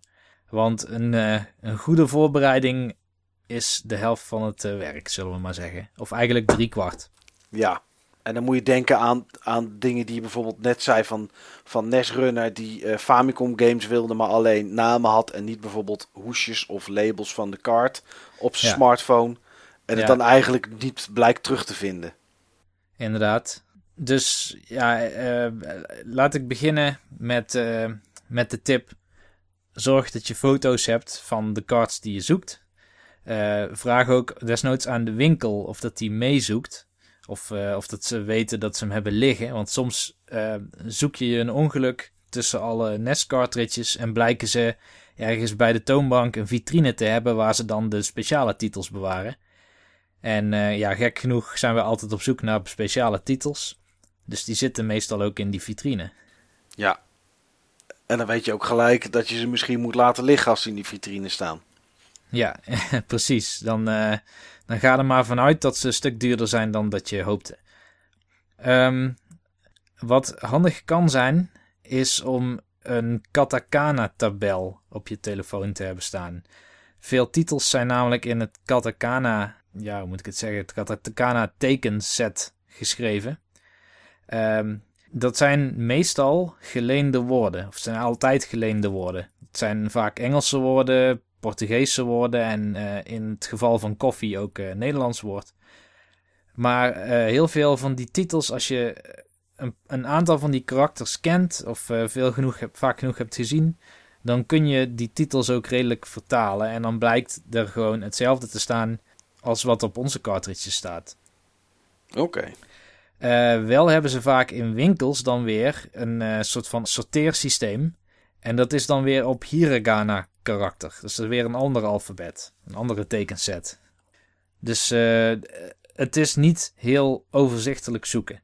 Dat kan ik alvast verklappen. Um, waar moet je winkelen? Dat is denk ik ook nog een goede vraag. Als je zoekt op internet naar retro game shops in Japan, dan word je snel doorverwezen naar een district dat Akihabara heet in Tokio.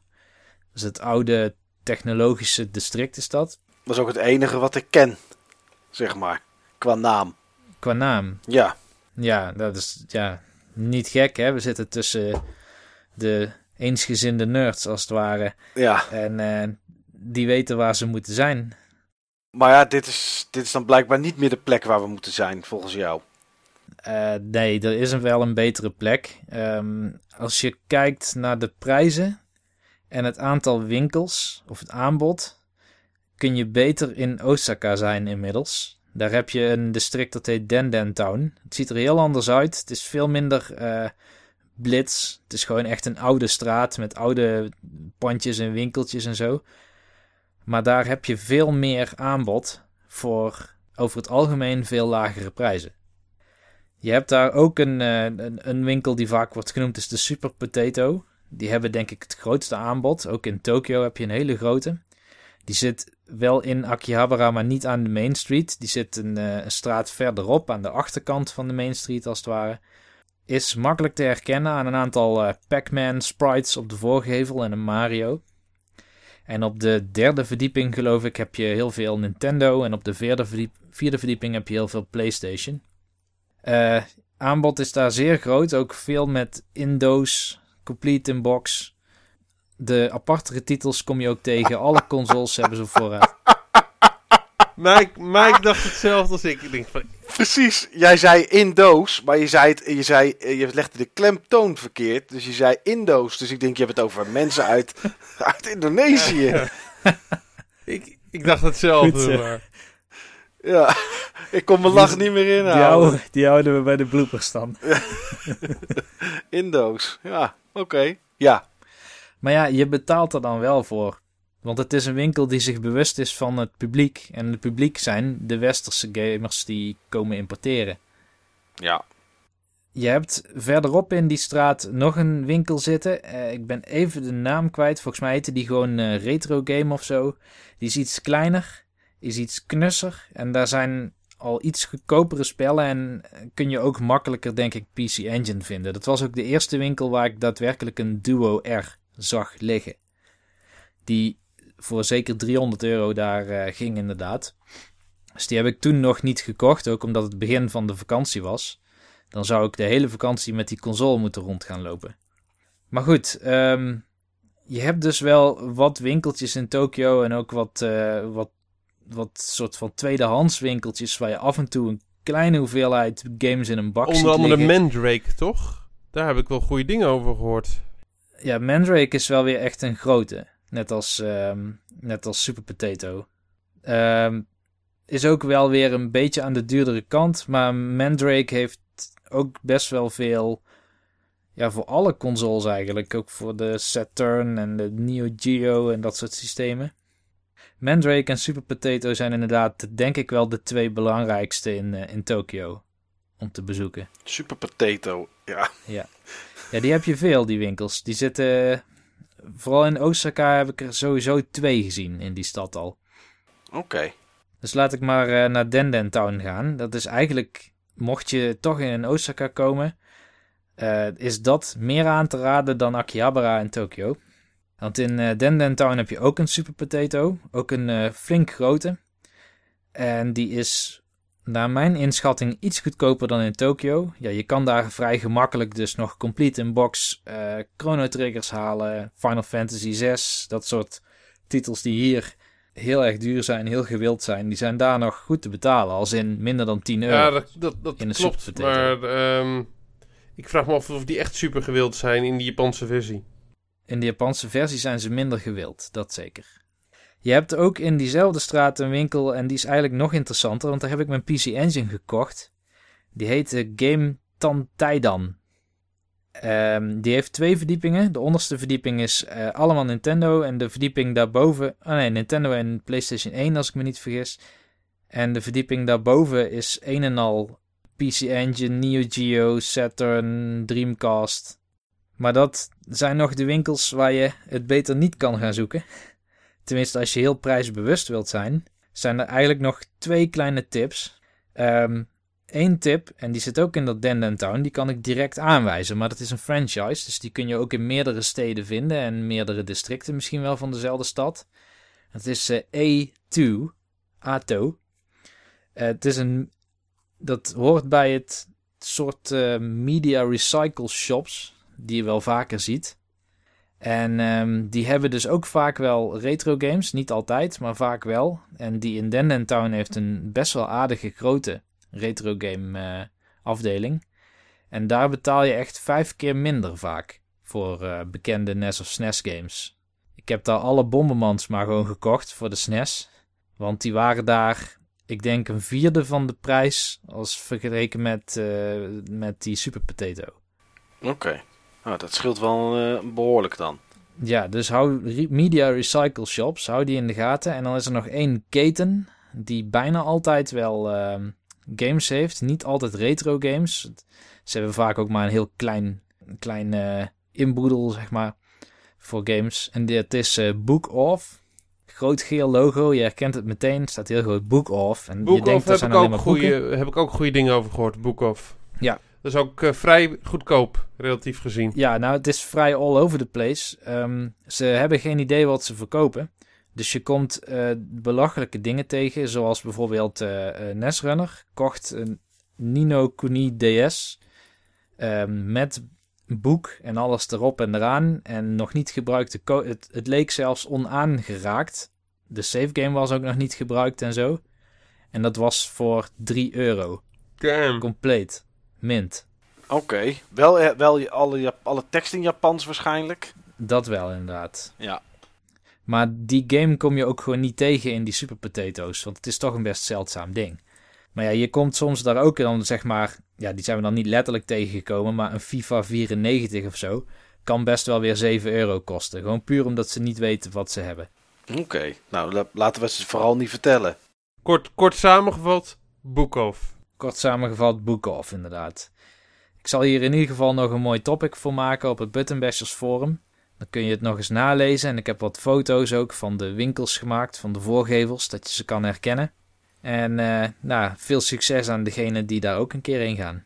Dat is zeker een mooi topic waard, uh, Niels. Ik weet zeker dat dat uh, zowel goed gelezen als goed gevonden gaat worden. Ja. Laten we het hopen.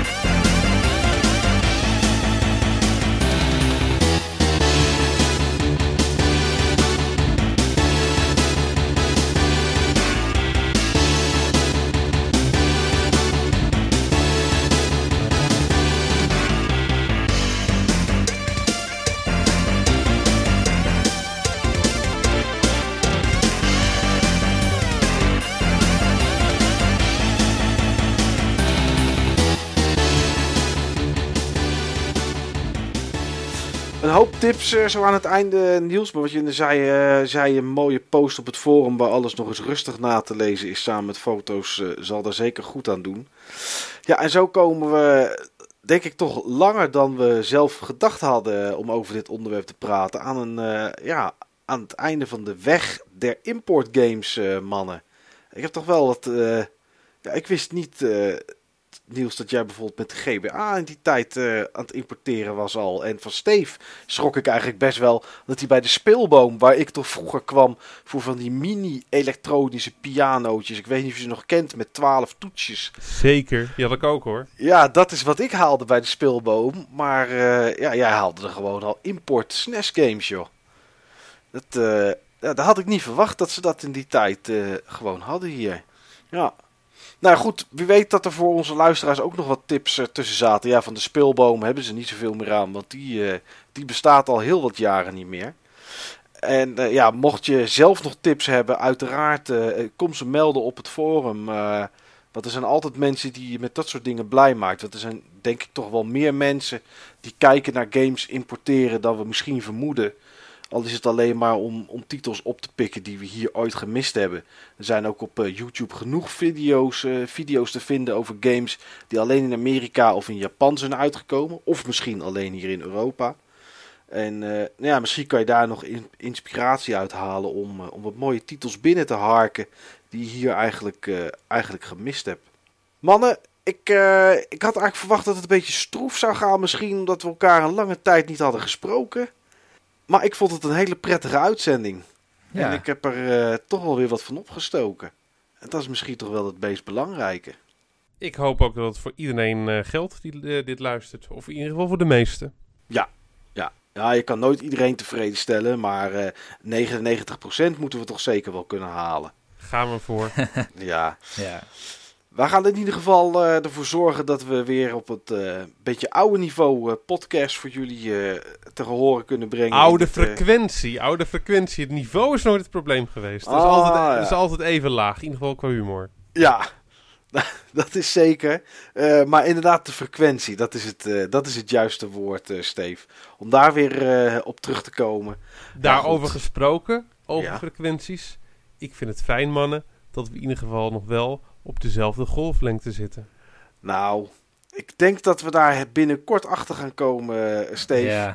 Dat, dat, dat dat toch echt niet zo blijkt te zijn. Uh, maar dat zal niet in de volgende podcast zijn, waarschijnlijk in die daarna. Waarin uh, waarschijnlijk meningen als, uh, als zwaarden tegen elkaar aan zullen komen. En ja, waar het misschien een beetje gaat donderen hier en daar. Maar goed, dat is voor de toekomst. En dat komt vanzelf op, op ons en op jullie af ik kan alleen maar zeggen bedankt voor het luisteren. Ja, en tot de volgende, toch jongens? Tot nummer 42. What does this button do? Ah, screw you, Niels.